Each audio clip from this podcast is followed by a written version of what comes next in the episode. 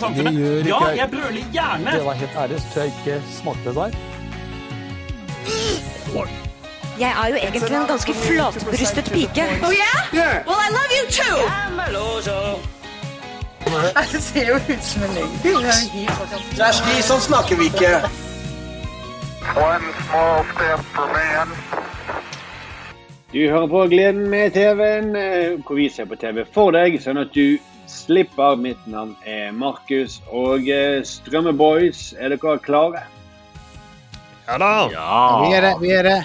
I det mørke kjellerhjørnet så har jeg med meg Arild Ørnhold. Ja, her er jeg. I det trøtte hjørnet som vanlig Sturle Vik Pedersen. god kveld. God morgen. Og i det opererte hjørnet Thomas Teige. Hey! Eh, Du burde laget en, en sånn lydeffekt, Thomas. En sånn eh, klipp, klipp, klipp eller et eller annet sånt. En sånn ja. slide whistle. Sånn. For vi må fortelle at Thomas, du kommer direkte fra operasjonsbordet. Jeg gjør det. Jeg gjør det. Jeg kommer rett fra uh, Aleris, uh, der jeg har fått eh, utført en vasektomi. Altså, jeg har klippet strengen. Det blir ikke flere uh, Altså, jeg skal ikke videreføre mine gener mer. Jeg har allerede gjort det tre ganger, da, men jeg trenger ikke gjøre det mer. Ja. Nei. Og det lurer jeg på. Gratulerer. Gratulerer, kan vi si. Gratulerer til verden. da kan du bare pule på. Men det, det er som eh, Det som jeg lurer på, Thomas, Ja. er jo at eh, Altså, hvorfor gjør Altså, eh, er ikke det ganske drastisk ting å gjøre? En ting er at du og Celine er enige om at dere skal ikke få flere barn. Men Mhm. hva hvis Celine, gud forbi, eh, hvis hun skulle dø i en bilulykke eller noe sånt? Eh, og så får Terje Lydstudio eh, plutselig comeback, blir en kjempesuksess. Sånn at du blir Thomas rik. blir, Thomas blir sponset av Tesla. og du får en mye yngre kjæreste som vil ha barn. Herregud, for en forvirrende tid dette ville vært for deg, Thomas. Ja, her, her, her, er det, her er det mye om og vi som menn, altså. Jo, jo, men, men, men det er jo veldig det er endelig Det er litt sånn det er jo et veldig drastisk tiltak likevel, da. Ja, Ja, du fikk jo første sesong av Teige Lydstudio, så alt kan jo skje. Nei, men vet du hva, det føles veldig riktig. Jeg føler meg veldig ferdig. Og jeg tenker som så at i dette helt ville scenarioet som du forteller her, eh, Markus, så tenker jeg, jeg at si det sånn, Folk i vår bransje de eh, får ofte barn når de er 50-60 de år. da. Ja, Det, er ikke, det er ikke helt uvanlig. N- det er ikke det. Men jeg tenker at det vil ikke jeg. Det vil jeg virkelig ikke. Ja, du har tenkt på det, ja. Du har tenkt på det. Er. Mm. Jeg tenker at tanken er um, frastøtende, rett og slett. Jeg tenker at i dette ville scenarioet der alle der Teige Lydstudio, kanskje til og med sesong tre, og det eh, jeg er Ja, må og det er masse unge fri Så, så Hold det litt realistisk. så må de Men da tenker jeg Da tenker jeg at da må de eh, Hvis jeg er så stor stjerne, da, så må de bare akseptere mine premisser, og det er at du du blir stemor, din unge kvinne, til disse sønnene mine som nå er eldre enn deg. Det er de som Eh, drev meg til å klippe strengen. Du Forferdelig unge. Ja, det må du bare Det må du bare akseptere. Og hvis jeg er stor nok stjerne på grunn Ja. av Teigeli studio, så tenker jeg at det går greit. Ja, det, ja. Kan jeg stikke inn litt her? Fordi når du Ja. fortalte du hadde eh, fått en vasektomi, så ble jeg veldig glad for at vi driver med en TV-podkast. For dette er jo en klassisk sånn her eh, plotline i TV-serier. Det er vasektomien. Det er en type Ja, ja. sånn i, i sesong tre av en TV-serie, når de liksom begynner å gå litt tom for ideer, så skal noen få en vasektomi. Så jeg tenkte sånn, jeg kom på, jeg fikk så mye spørsmål i hodet som ting jeg har lært fra TV-serier om vasektomier, som jeg, som jeg endelig kunne spurt om er sant.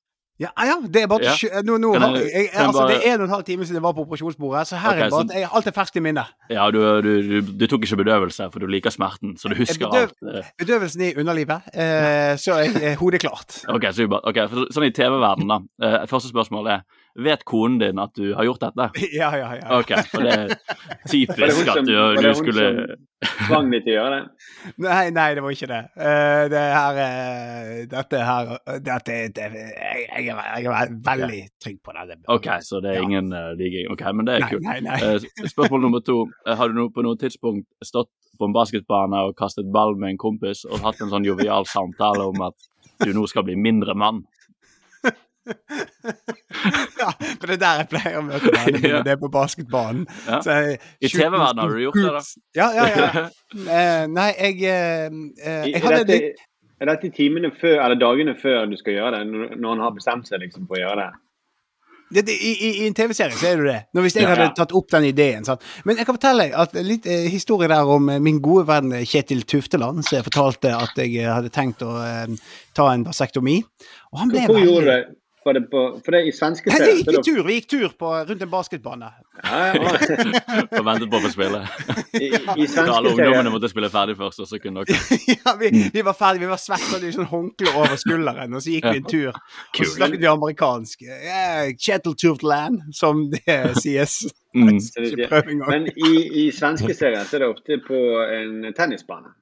Ja. Ja. Men dette her var altså på en skogsvei. Så jeg føler det er ganske passende hvis dette hadde vært en norsk eh, Ja, TV-serie. ja, det er bra Ja, skrevet inn. ja, ja, faktisk. eh, Men, men Kjetil Tufteland han, han, han ble litt sånn der han, han var veldig skeptisk. Jeg, var litt sånn overrasket over hvor skeptisk han var til at jeg skulle gjøre det. Han var er du sikker på dette? Det er jo litt drastisk. Jeg bare, Nei, men herregud, det er jo det er en veldig vanlig prosedyre. Så tenkte han litt, og så sier han ja, men hvordan skulle du gjøre det? Skulle du gjøre det kjemisk?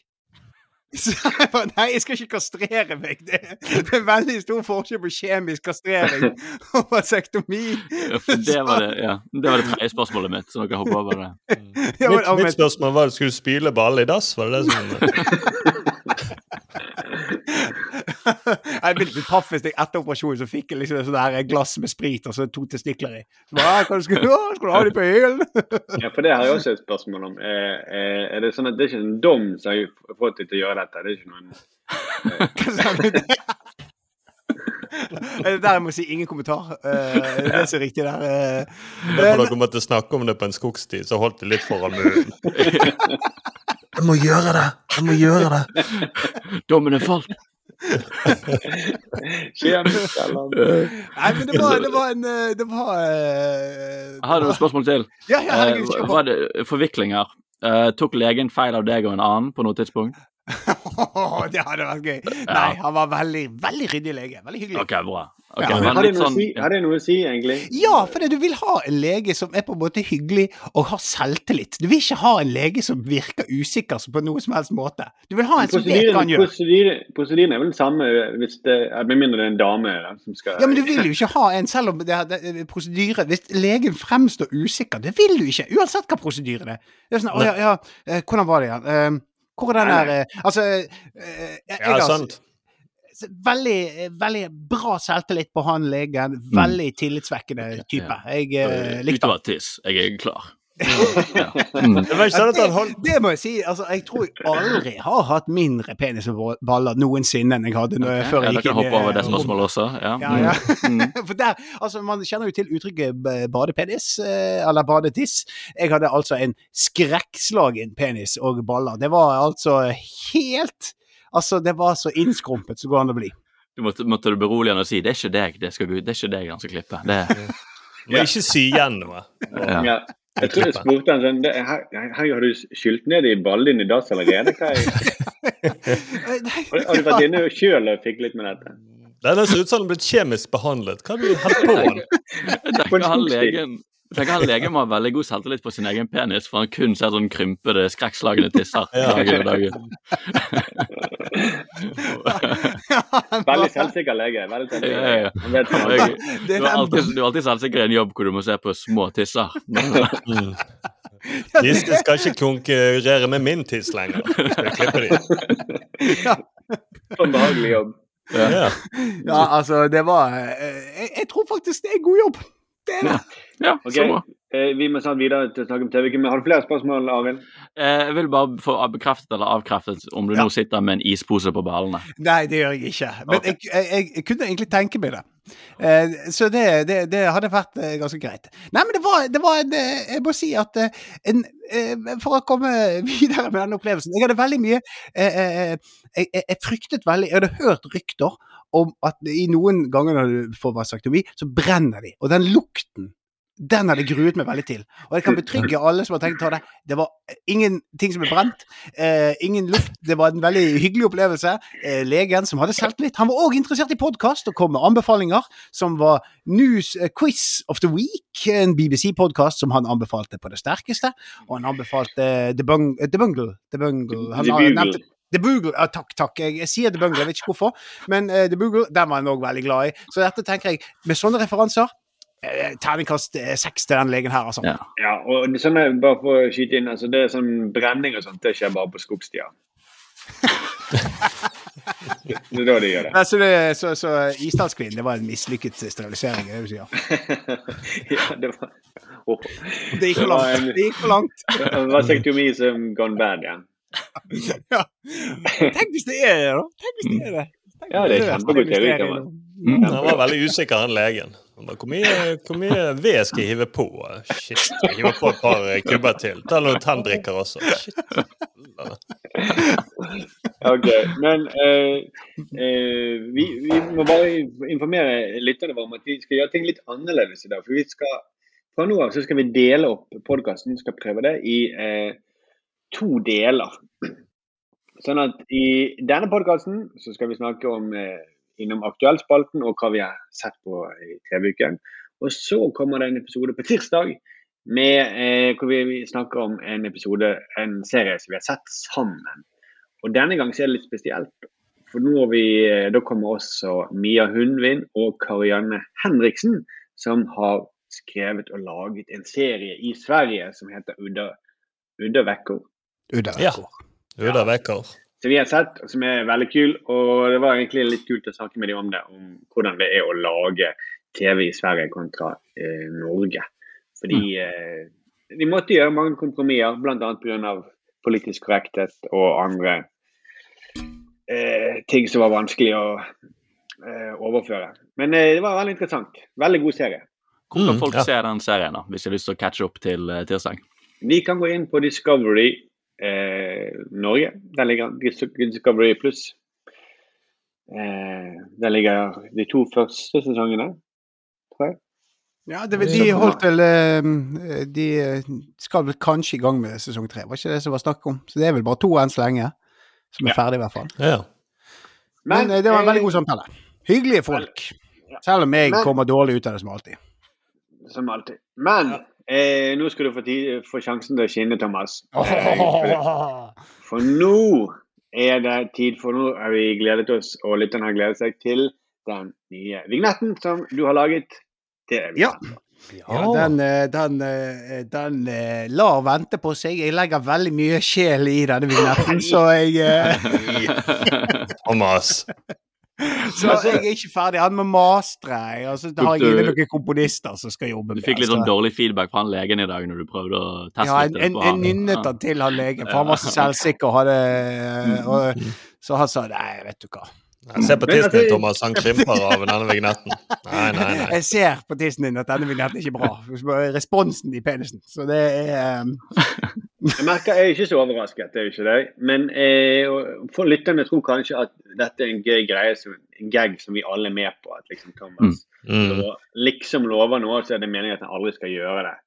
Eh, men det er ikke greien. Han, han har lovet oss, og vi, vi har jo, tror jo på han hver eh, uke. Vi er såpass dumme. Ja, sitter og venter. Mm. Sender han nei. over. Kommer han med et eller annet musikalsk. Men nei. Mm. Liksom det er- det som er trist, er jo det at jeg, jeg er en skuffelse. Eh, altså at jeg vet at det, det er høye forventninger der, og eh, Du er så ekstremt eh, Og, glad i dag, Thomas, og fornøyd. Jeg, jeg har aldri sett deg så fornøyd med din egen eh,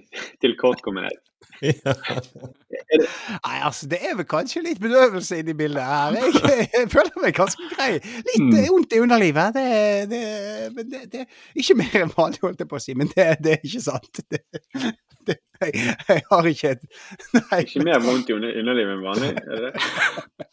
Jeg ikke mer av underlivet enn vanlig. Jeg vet ikke hvor jeg skulle med dette. Vi, da går vi bare i gang med Aktuelt-spalten, da. Ja. Ja.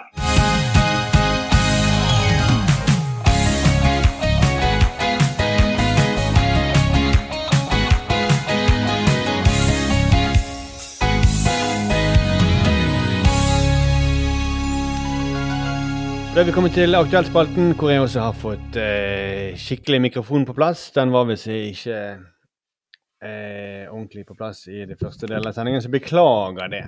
Men er det noen som har lagt merke til noe aktuelt i TV-verden, så vil jeg gjerne begynne.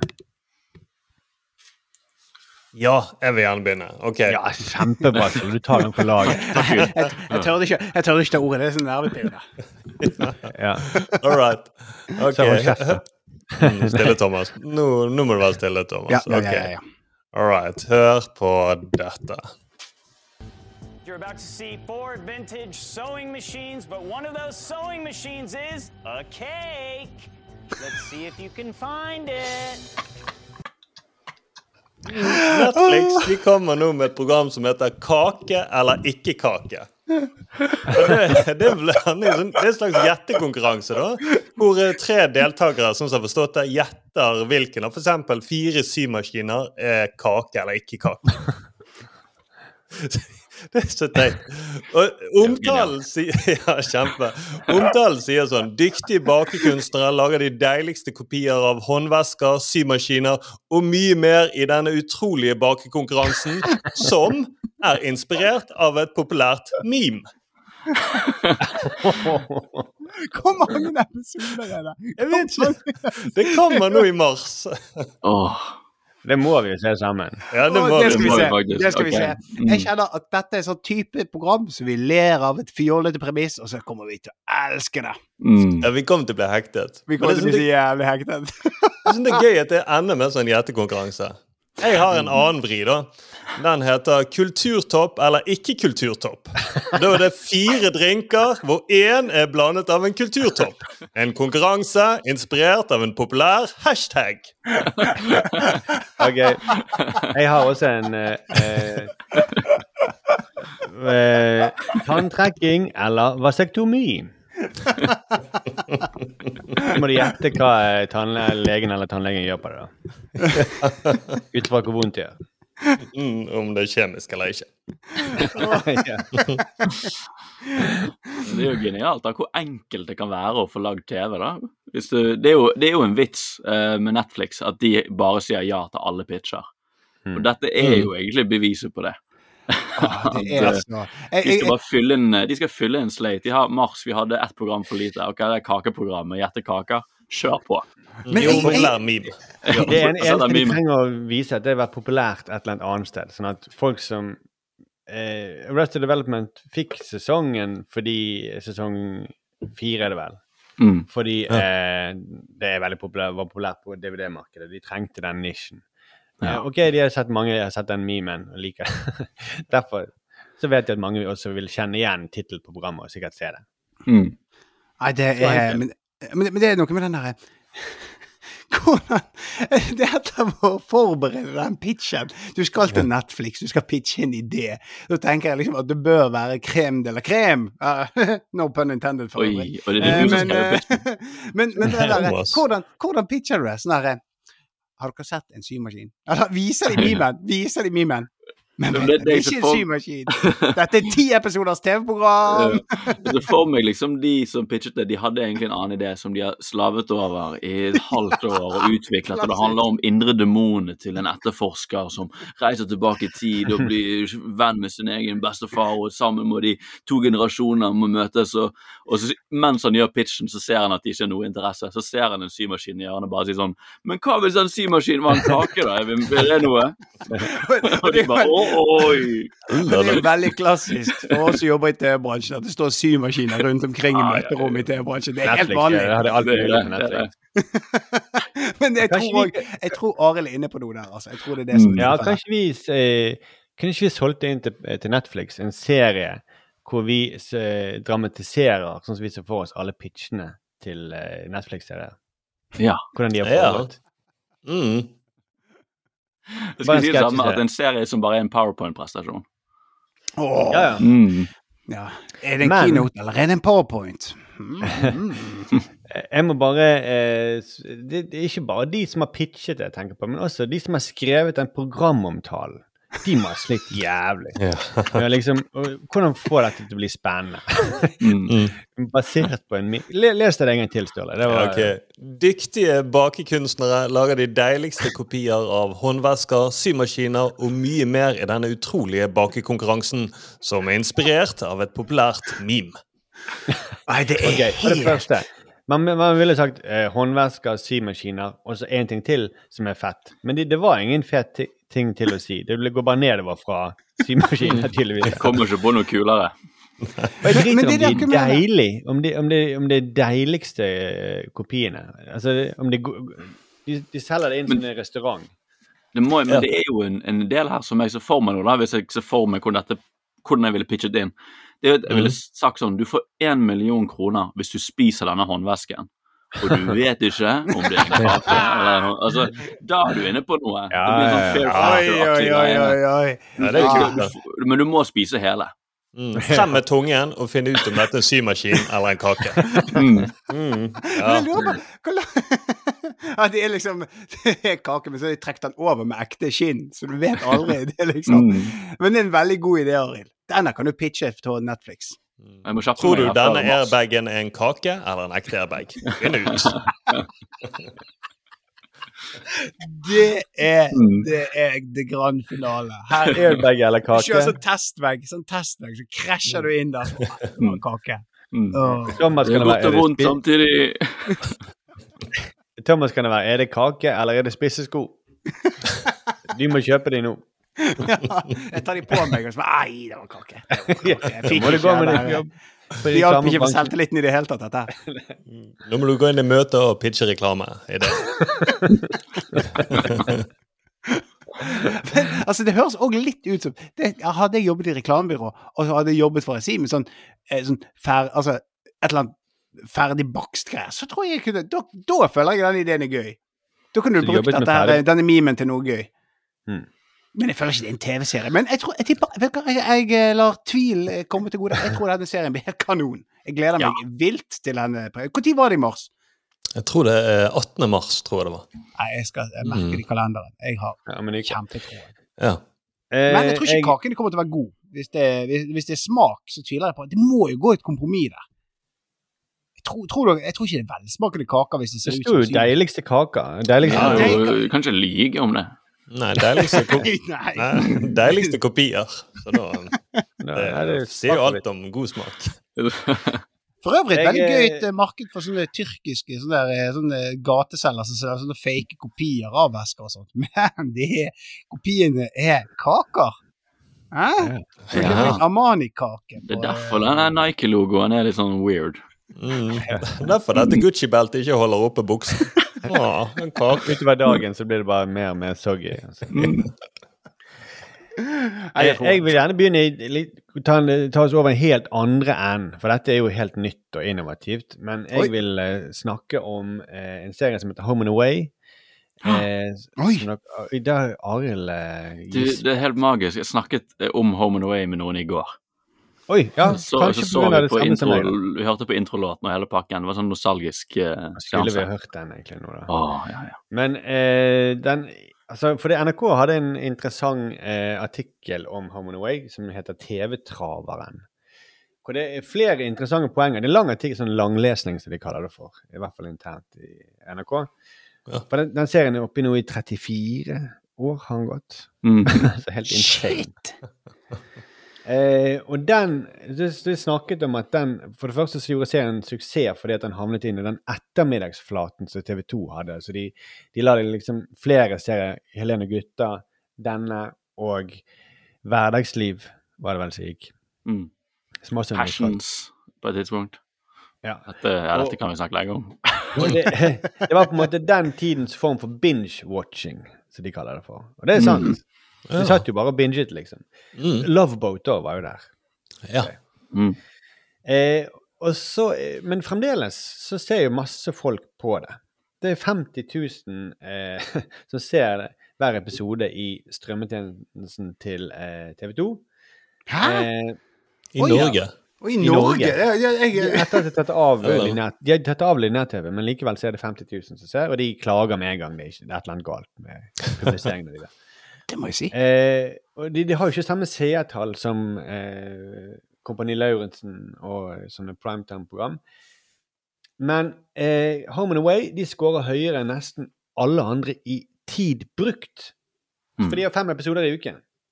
Så Ja, eh, hver er på 21 minutter, så da eh, blir det jo en del eh, i løpet av noen 34 år. da. Mm. Herregud.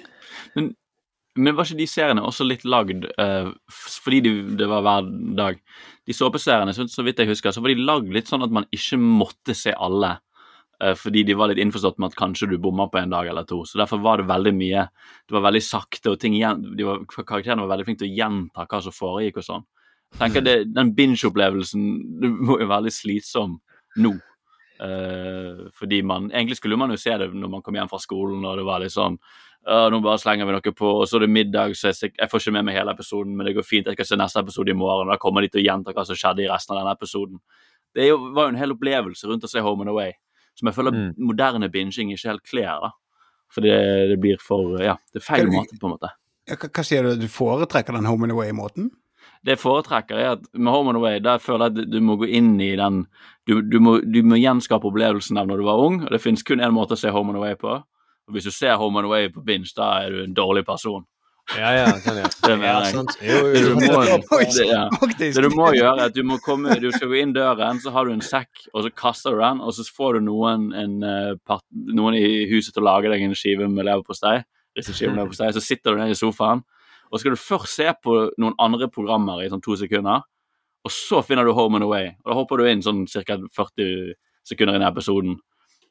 Og så, så må noen si 'nå er det middag', og så går du vekk, og så må du se neste episode igjen. For du, du får ikke se mer av den episoden fordi du har spist middag. Du har ikke trykke pause. Nei, nei, Det du mener er at Hvis du hadde binget den, så hadde du, da hadde du kjedet deg ganske fort. Ja. Eh, at, ja. Ja, Det kan jo stemme. Men, men de, det er jo folk som gjør dette, da, tydeligvis. Eh, Mm. Eller de, de ser jo det med veldig Folk som har vokst opp med det, som fortsetter å se på det. Hun ene i intervjuet hun sier at det er liksom som å henge med vennene mine. eh, Men- 34 år. i test. Men og ikke, og ikke vennene sine, bytter ikke de ut skuespillerne bare sånn helt sånn sømløst uten å gjøre noe nummer ut av det? Det er bare Jo, men veldig annen sakte. Veldig Ja. sakte. Eh, Det er det som er liksom hemmeligheten. At eh, det har man jo vært. de er, de er, Tror du de er jeg kan Nei. Terje Lydstudio? Nei. I denne podden. Nei, men som det er hun som ser Det er vennene hennes som bare merker ikke at det, det er ikke de samme kollegaene hun har lenger. Folk har sluttet å begynne, og hun bare Å ja, men det er jo en Hun er dement, så hun merker ikke det. Men Arild, er lever du ut denne fantasien nå ennå? Hvis du ser Home and Away, må du liksom Får du Hilde til å lage leverposteiskiver til deg og Ja, det blir det. Det, På det et frister jo veldig. Men det, det greia med Home and Away, jeg forsto det aldri helt, fordi Og det fikk jeg lyst til å spørre om nå. Uh, for jeg forsto aldri hva plottet var. Jeg forsto aldri egentlig helt hva det handlet om. Jeg tenkte kun det var masse pene mennesker i nærheten av en strand. Så de var alltid i nærheten av en strand. Og så gikk det kanskje på skole, men jeg, jeg forsto aldri helt hva Jeg følte veldig mange serier på den tiden hadde veldig tydelige plott, fordi du kunne hoppe inn når som helst. Du kommer rett frem fra skolen, og så er det sånn OK, vi har en heks som har en liten magisk dukke. Dette er Passions. Og det forstår jeg. Det er jeg med på. Og det er noen hekser der borte. Og, ikke sant? Jeg forstår dette, men Home and Away det var alltid bare vakre australiere som gikk på skole, kanskje. Ja, i en liten sånn småbygd. Og det, og de ba, det var noen på stranden og greier. Men det som, det, det, det sto det med artikkelen, og det visste ikke jeg, at det, er jo, det handler jo Navet i serien er jo den eh, Det er han fyren som har et sånt fosterhjem. Ja, og det er han, han skuespilleren har vært med i alle, alle sesongene eh, i 34 år. Ja. Og det var sånn ideen oppsto, at det var en liten De leste om en, en sak om en liten eh, bygd som var som eh, protesterte mot at de skulle ha et eh, fosterhjem i bygden. For det, de, da ville det komme masse sånne City Kids og ødelegge den idylliske stemningen i den lille dette, Ja. dette Jeg har sett mye Home and Away eh, på slump og litt sånn Sånn som Arild sier. Mm. Eh, Korrekt men, måte. Dette her, dette her gikk ikke, Med fikk ikke med meg i det hele tatt. Nei. Ja, fordi, Nei, jeg fikk heller ikke. Nei, dette er helt ut for meg. Helt blown away her. Så det er det liksom Blown home and away. Men er det tittelen spiller på Home and Away? At de er liksom litt hjemme, for de er på fosterhjemmet, men samtidig away fra Mm. City? Kanskje det. Er det det? Mm. Oi. Kanskje, kanskje det. I alle fall så Ja. Mm. var det et par andre interessante ting. Jeg skal bare ta det. For det, eh, det er en TV-forsker som er intervjuet der.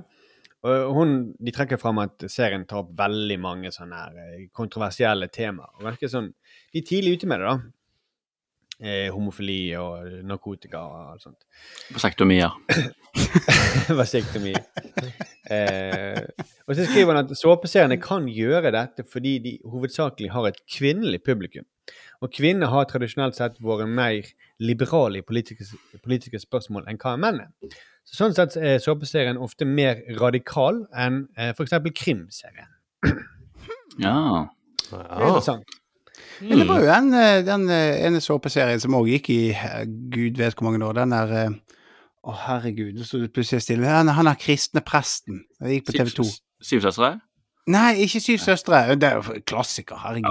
Ja, Men eh, jeg tenker på den amerikanske Å, herregud. Seven ja, Heaven. familien. eh, Seventh Ja. Heaven. Seventh Heaven, ja. Er han pedofil? Han, Ja, eh, det var det. Der tok det pedofil? opp. Ja, ja, ja. Han Mm. viste seg å være pedofil, ja. Det, Ja, ja, ja. Han levde living the brand som prest, altså.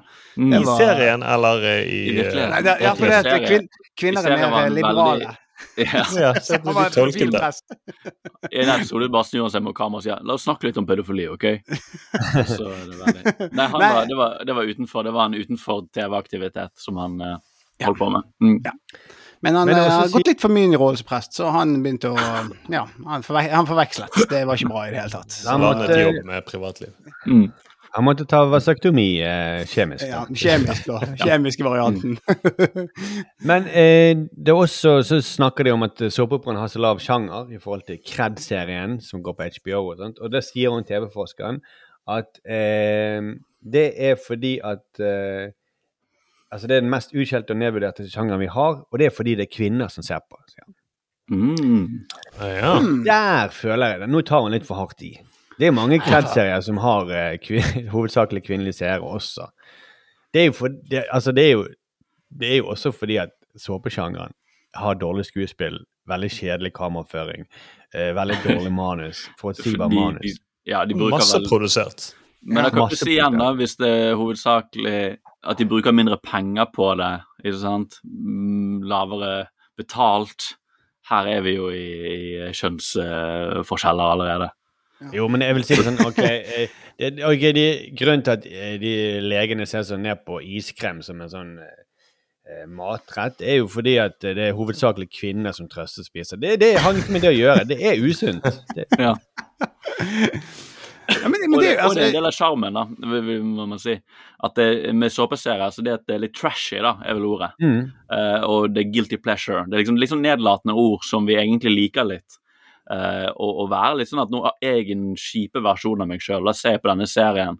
Og det er noe trygghet i det, da, at ikke alt man ser må være så prestisje og så Mm. flott og mye penger. Man får lov til å slømme det litt, da.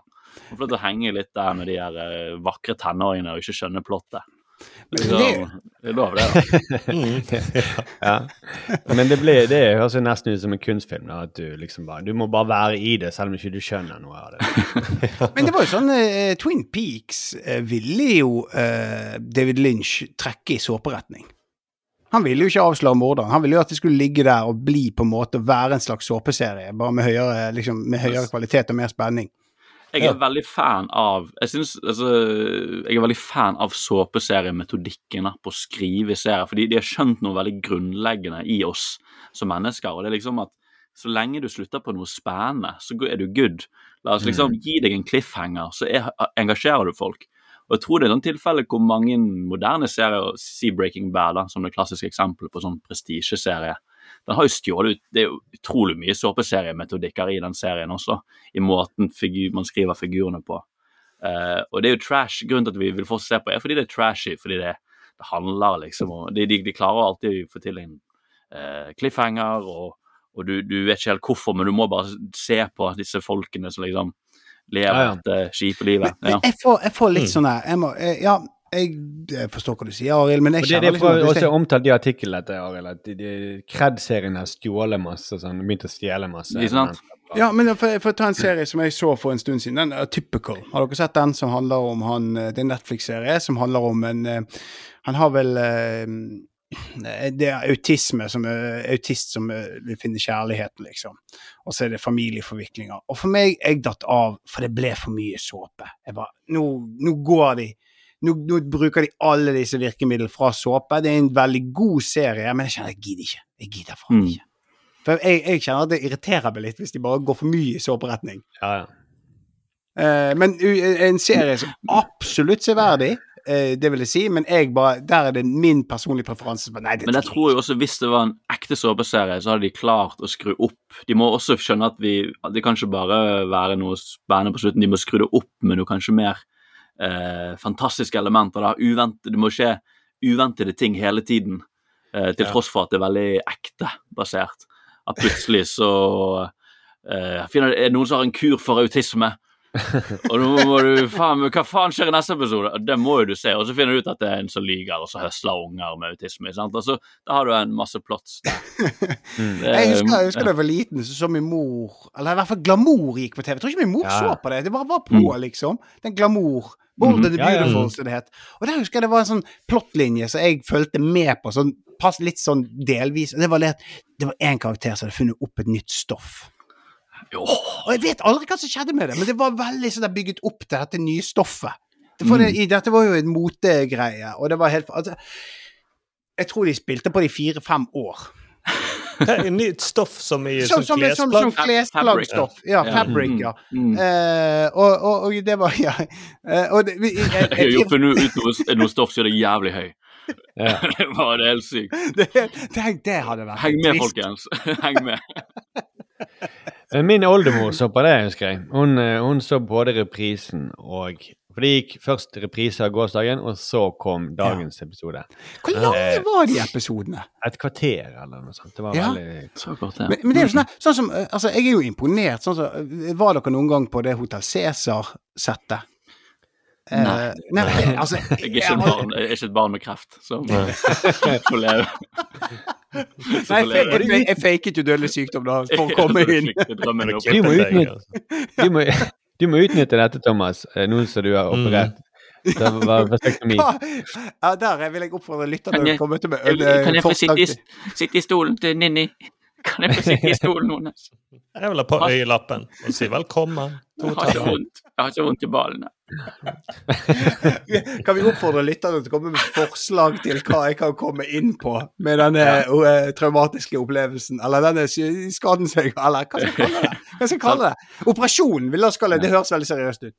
Men hva var det du skulle si? Når du, var på, du, du har vært på Hotell Jo, jo, men altså, helt ekstremt imponerende produksjon. Altså, hvor mye, De lagde vel fem episoder i uken, og vi har jo laget TV. Det er jo, vi, det, det er jo sinnssykt uh, og krevende å lage én episode i uken som vi gjorde med Satiriks.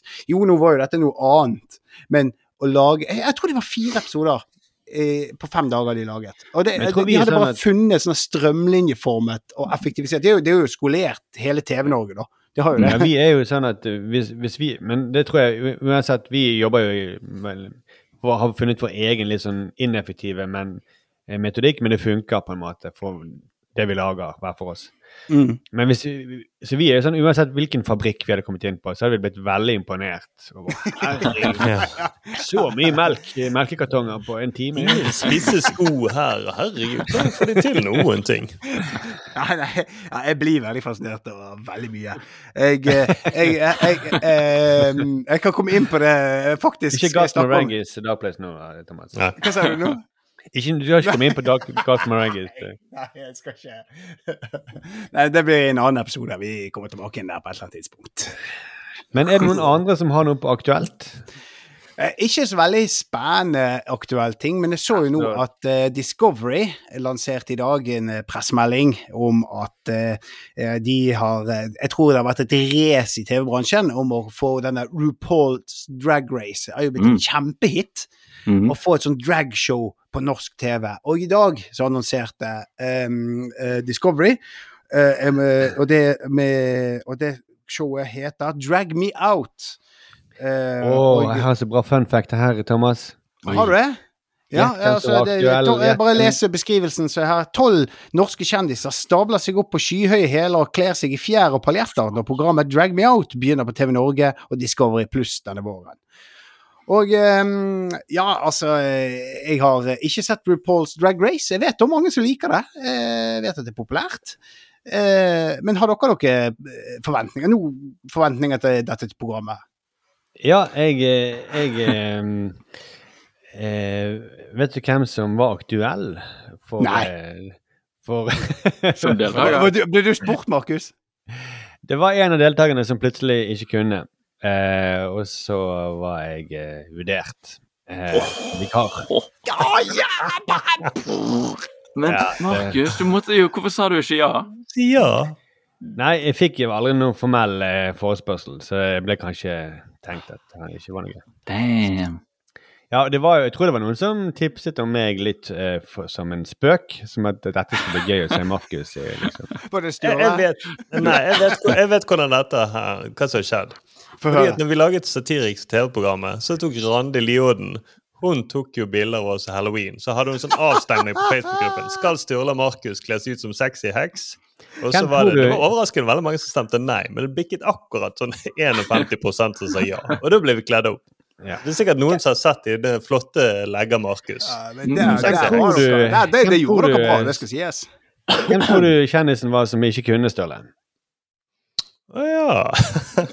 var, det, var det en uh, som forspiste seg på Camp Culinaris som trener lav igjen etterpå? I 16 uker? Ja, det er kongen av reality shows. Altså, kjæresten, til, Rann Ran- til, Ran- kjæresten til Randi Lion. Ja. Så, ja, det er så jævlig Fader, det er så jævlig vittig. Nå fikk jeg mindre lyst til å se fordi han ikke er med. Han er, Ja, ja, ja, det, det, Ja, faktisk. Men, uh, men ja, Han men var jo Daidalos istedenfor. Det er jo på en måte Ja, ja, han, sin egen sminke. ja. Mm. Mye Men øyeskygge der. Men hadde, altså, Markus, du hadde gått all in hvis du hadde fått det tilbud, hadde du ikke du? Altså, det var jo dritgodt betalt. Og... Selvfølgelig er det. Jeg tenker jo, I denne, i denne podden så tenker jeg jo at deg og Markus og deg, Thomas Jeg vet i løpet av denne podkasten kommer dere til å dukke opp et eller annet reality, kjendis-reality. Er helt overbevist. Sakte, men sikkert. Ja, Kjendisvasektomi. Jeg Det skal lede. Det skal jeg, Ja. Operasjon. Hvis det blir kjendisprogram og kjendiser opererer seg, så er Thomas med det. Det opererer vekk rynken, da. Ja. Hei, hei, hei. Den, den, den tar vi Botox. Ja. Nei, men eh, nei, jeg, jeg var jo for så vidt med på det med det latterlig politikk. Det var vel Ja, ja, men dere Ja, ja. Du, du, du er jo helt klart der. Men nå, nå mener jeg noen av de klassiske sånn Vi samler en haug med kjendiser som må være på dette stedet og få masse oppgaver. For det var, var latterlig politikk jeg så at ok, Markus han skal bli en stjerne. Jeg vet ikke om det blir drag eller jeg vet ikke om det blir matlaging, men han kommer til å trenger en eller annen syrlig bergenser med på TV her. Jeg kan, Ja, jeg kan, jeg kan se litt gjennom linsene. sant? En som kan liksom ja. Jeg er et spørsmål til dere. Har dere noen gang eh, fantasert om hvordan dere vil være i et sånt reality-program? Altså, Dere satt jo i gang tankene med meg på Fuckboy Island, og jeg, eh, Ja. der tror jeg hadde gjort det fryktelig dårlig. Fryktelig dårlig. Eh, Jeg fantaserer mye om dere på reality-program. fantaserer mye om oss generelt. Ja, jeg gjør det. Jeg gjør det. Jeg, jeg tror jeg, i hvert fall helt siden Big Brother liksom kom, så tenkte jeg at jeg hadde gjort det jævlig bra der inne. Jeg hadde ikke gått inn i noen krangler. Jeg hadde vært han kule som Jeg vet ikke, jeg hadde jo vært han som hadde drakk seg for full andre dag. Kom, dukket opp som sexy heks når det ikke var tema. Ikke var noe anledning til det. Markus, det er midt på dagen. Hvorfor er du, full? Jeg hadde ganske stor selvtillit på da jeg var sånn 20, tror jeg. At, at jeg tror du hadde gjort det Nei, Jeg, jeg håper min drøm nå at det Ja. kommer en sånn karategreie. At der kommer Markus inn som en sånn eh, kjendiskarate. Nå skal vi se, så blir det sånn Jeg vet ikke hvordan ja, det er, sagt ja til på flekken. ja. Ja, ja sånn alle alla Company Lauritzen, bare at det var sånn ninja. Next ninja. Kjendiser skal lære seg opp å gjøre ninja moves. Next Norwegian Ninja. Next Norwegian Ninja, herregud! Der er er, der er Med Markus. tittel eh, Kobra Lauritzen. Mm. Yeah. kommer Nicolay Ramm i sånn eh, Kina-ansikt. holdt på å si. Japan-ansikt. Ja. Han selvfølgelig leder hele greien. Han leder hele greia. Og Emil Gukild vinner fordi han sa idé. Det. Han er bare med akkurat i finalen. Så kommer han. For det er det jeg føler Jeg, er jo, jeg blir jo så lei, og jeg føler jeg, jeg føler jeg snakker på vegne av veldig mange som ser på TV, som er veldig lei av sånne kjendisgreier. Mm. Og, og jeg ser det gang på gang på sånne gode premisser, sånn som RuPaul også. Det er fantastisk bra reality-premiss, hvor de Altså, samler du har liksom- sett det? Du har sett det? Selvfølgelig, selvfølgelig har jeg sett det, Thomas. Selvfølgelig. Men, ja. uh, det, men det er så fantastisk bra av deltakerne, fordi de samler uh, dragartister fra hele USA og noen ganger hele verden. Og samler de, og de har jo så mye De er perfekte reality-deltakerne, for de har kjempesterke historier. Alle har helt fantastiske backstories med drama og foreldre som enten hater de eller elsker de. Så, eh, det er så utrolig mye å dele. Og så er de også utrolig gode artister, så man får det kreative og man får følelsene. Og det er jo poenget med drag, er jo hvordan disse to tingene møtes. Og jeg har så lite tro på at norske kjendiser klarer å levere på det nivået der, av den oppriktige livshistorien til norske dragartister også. Så får de alle de norske dragartistene som hører om dette, som er sånn Hvorfor faen får ikke jeg lov til å være med? Skal jeg se på Eivind. Hellstrøm drive og komme litt mer i kontakt med sin feminine side på TV, når jeg kan faktisk dele livshistorien min på TV og, og inspirere andre som meg? Det er jo kjempeidiotisk. Ja, Bare- men hvis Markus hadde vært med, da hadde jeg vært med, så hadde det vært ja, Ja, det hadde vært kjempebra. Jeg, Eller jeg, hvis Truls Svendsen var med. Han gjorde f.eks. noe sånn Beyoncé. Ja. Ok da. Han gjør jo alt jævlig bra, da. Så, ja.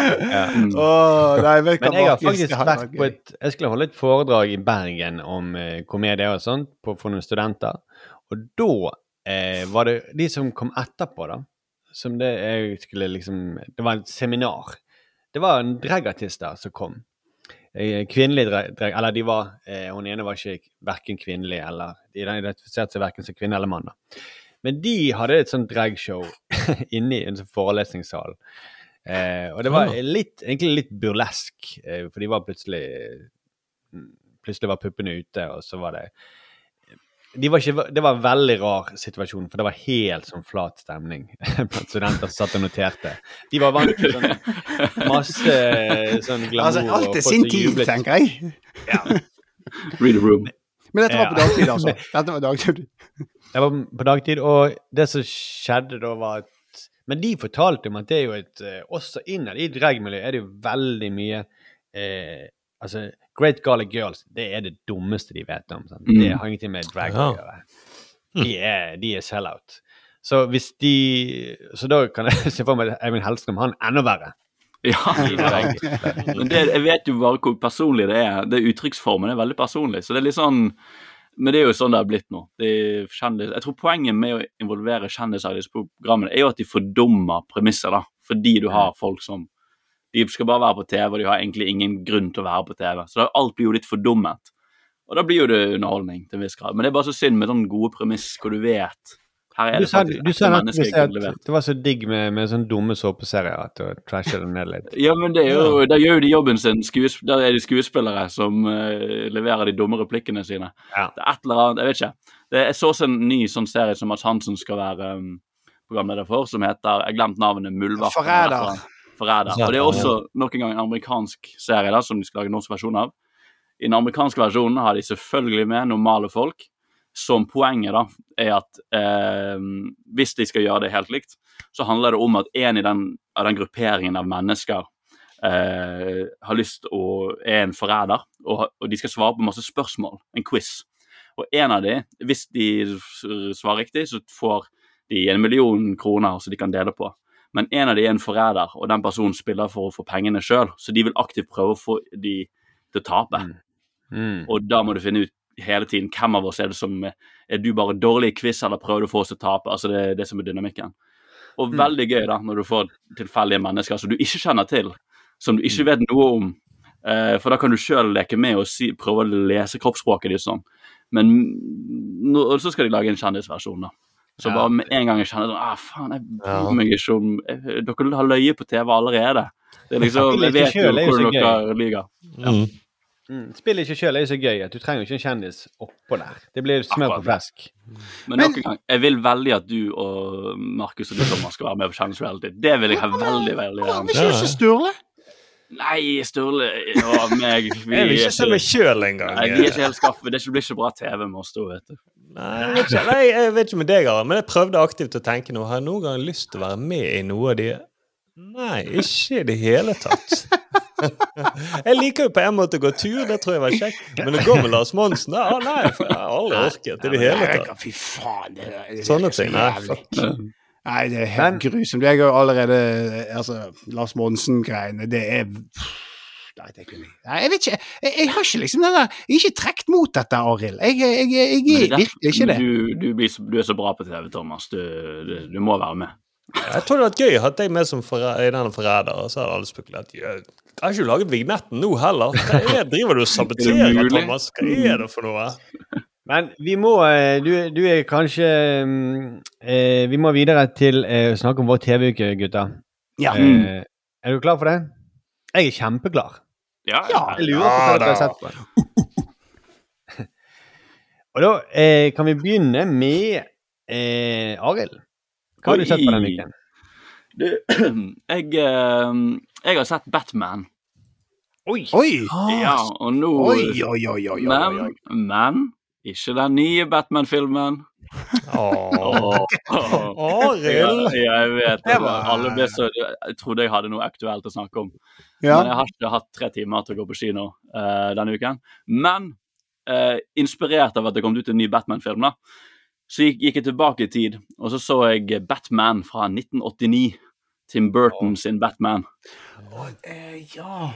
Ja, Den var veldig seriøs, Keaton. da, kjenner jeg. Michael Keaton, og så er det Sant? Danny DeVito som er pingvinen. Ja, han dukker opp i oppfølgeren. Han spiller i Oppfølgeren der. Ja, OK. Det er Jack Nicholson som The Joker.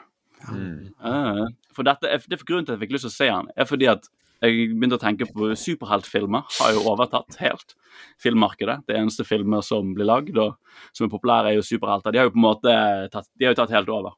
Det er litt sånn Også- som kjendiser i reality, på en måte. Å ja.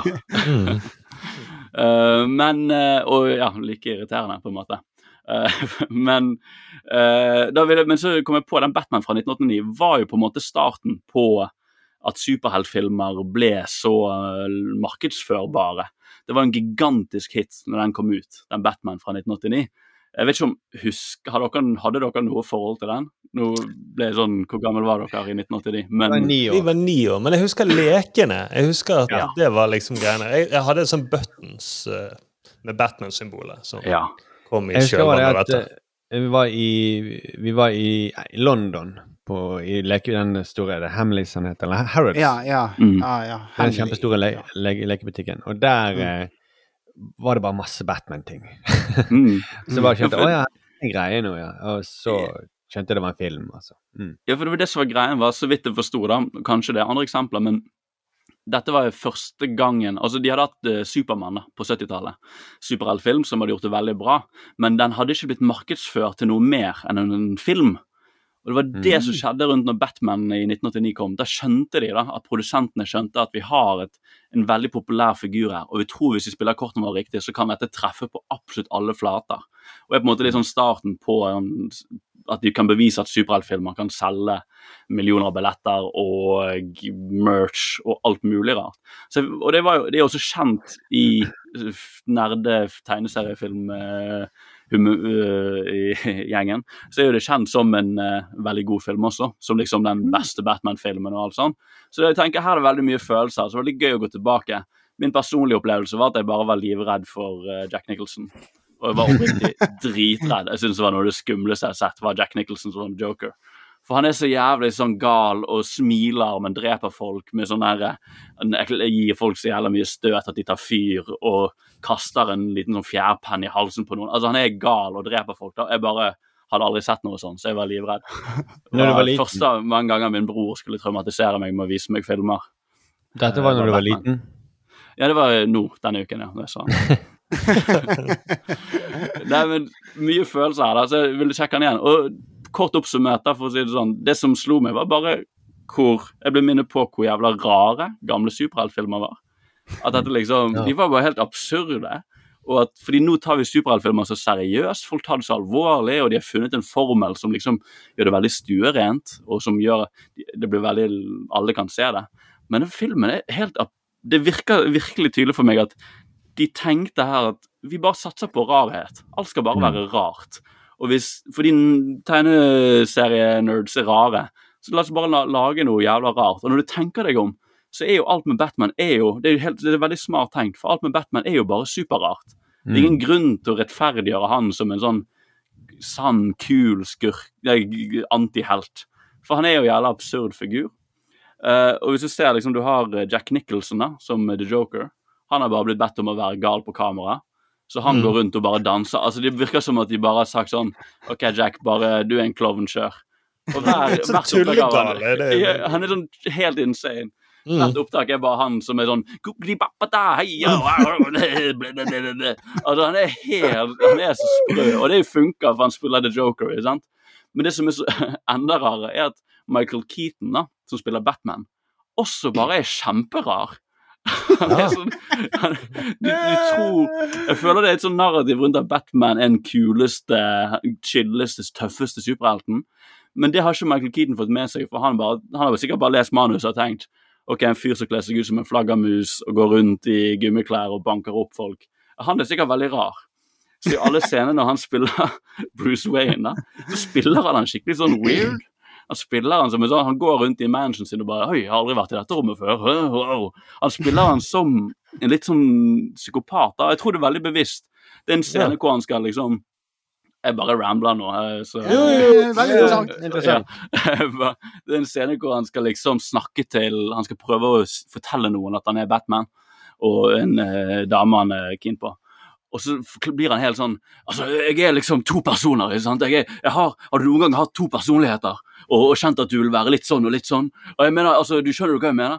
Altså, han han, han, er helt Han er sånn eh, Han er eh, manisk, da. Og nok Ja. en gang, det er helt selvfølgelig er det det. Du er Batman. Du, må, jo- du, du kan jo ikke være god i hodet. Um, han er litt sånn incel også. Fordi Han spiller veldig incel, for han sitter i den hulen sin. Sitter inne i en grotte og sitter på masse datamaskiner og bare veldig sånn opptatt av å ja, det er så mye galt i verden, og kanskje jeg skulle fikset det. Og han, han har veldig sånn incel-energi, da.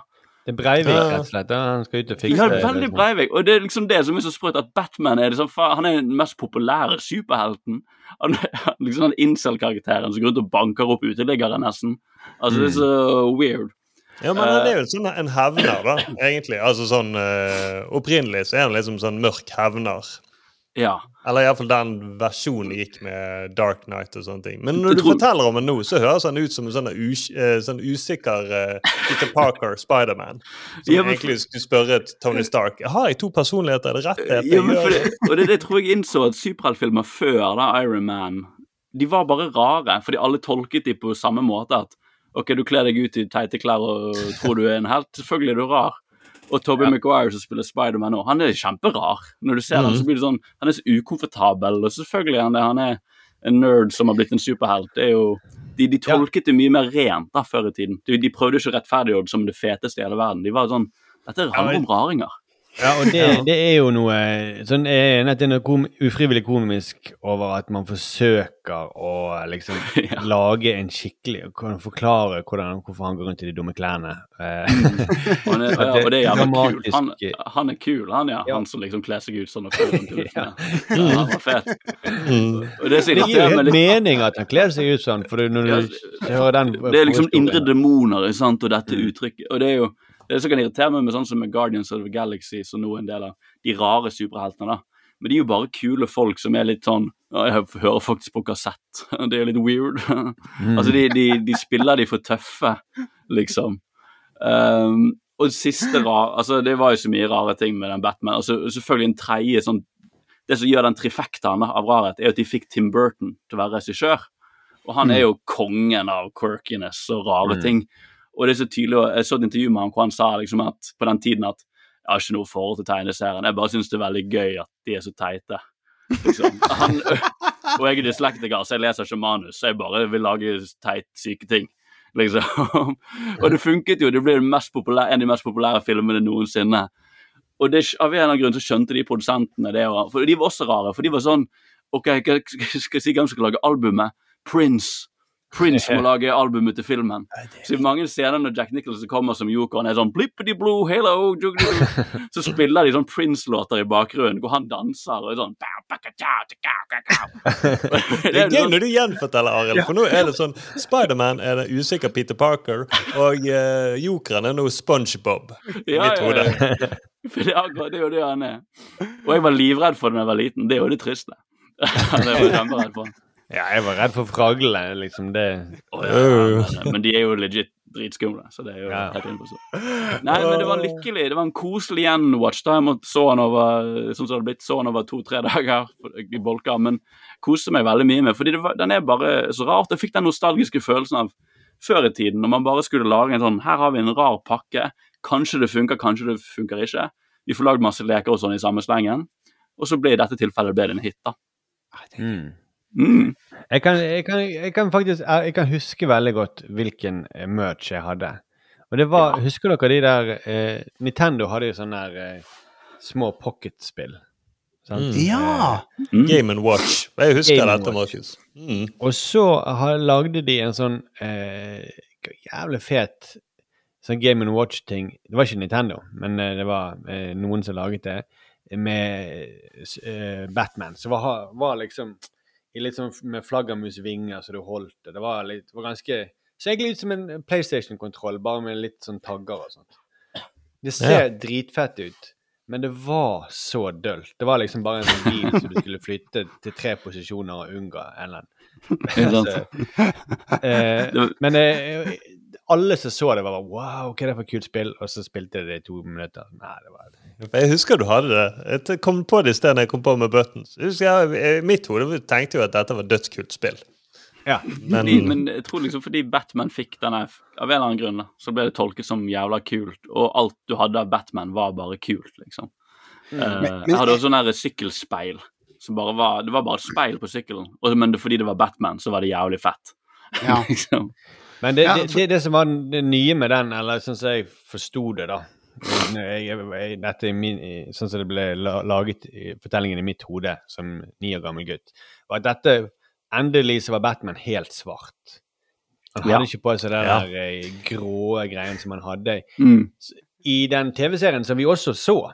Eh, Ja, som gikk på men Den var jo TV2. veldig tullete. Ja, den var jo veldig tullete. Det er jo Mm. Ja, jeg elsker jo den TV-serien. Det er jo noe av det Oppriktig noe av det gøyeste jeg vet, er å se den gamle Batman-TV-serien. Og filmen også. Der har du Ja. noen, Ja. Er det i filmen eller serien du har sånne, den fantastiske scenen med den anti-high-sprayen? Det er i filmen. Det er i filmen. Mm. Ja, det er sånn eh, scene der de er, henger fra et helikopter i en sånn taustige, og så blir de angrepet av en hai. Og så, og så tar han sånn antispray Mm, på haien, og så uh, slipper haien taket. Det er, sånn, det, er så, det er så rart at det må bare Vet hva, det er bare å gå på YouTube og finne Det- eh, Hva skal du søke? Batman Shark. Og Han har sikkert sånn Ja. anti-barn-spray som han sprayer på ballene istedenfor Stian, jeg har Robin nå, jeg trenger ikke flere. Spray. Anti-sidekick. Eh, ja, fordi, og den var, men de skjønte jo også det. Batman er rar. Den er jo kjent for å være så utrolig rar.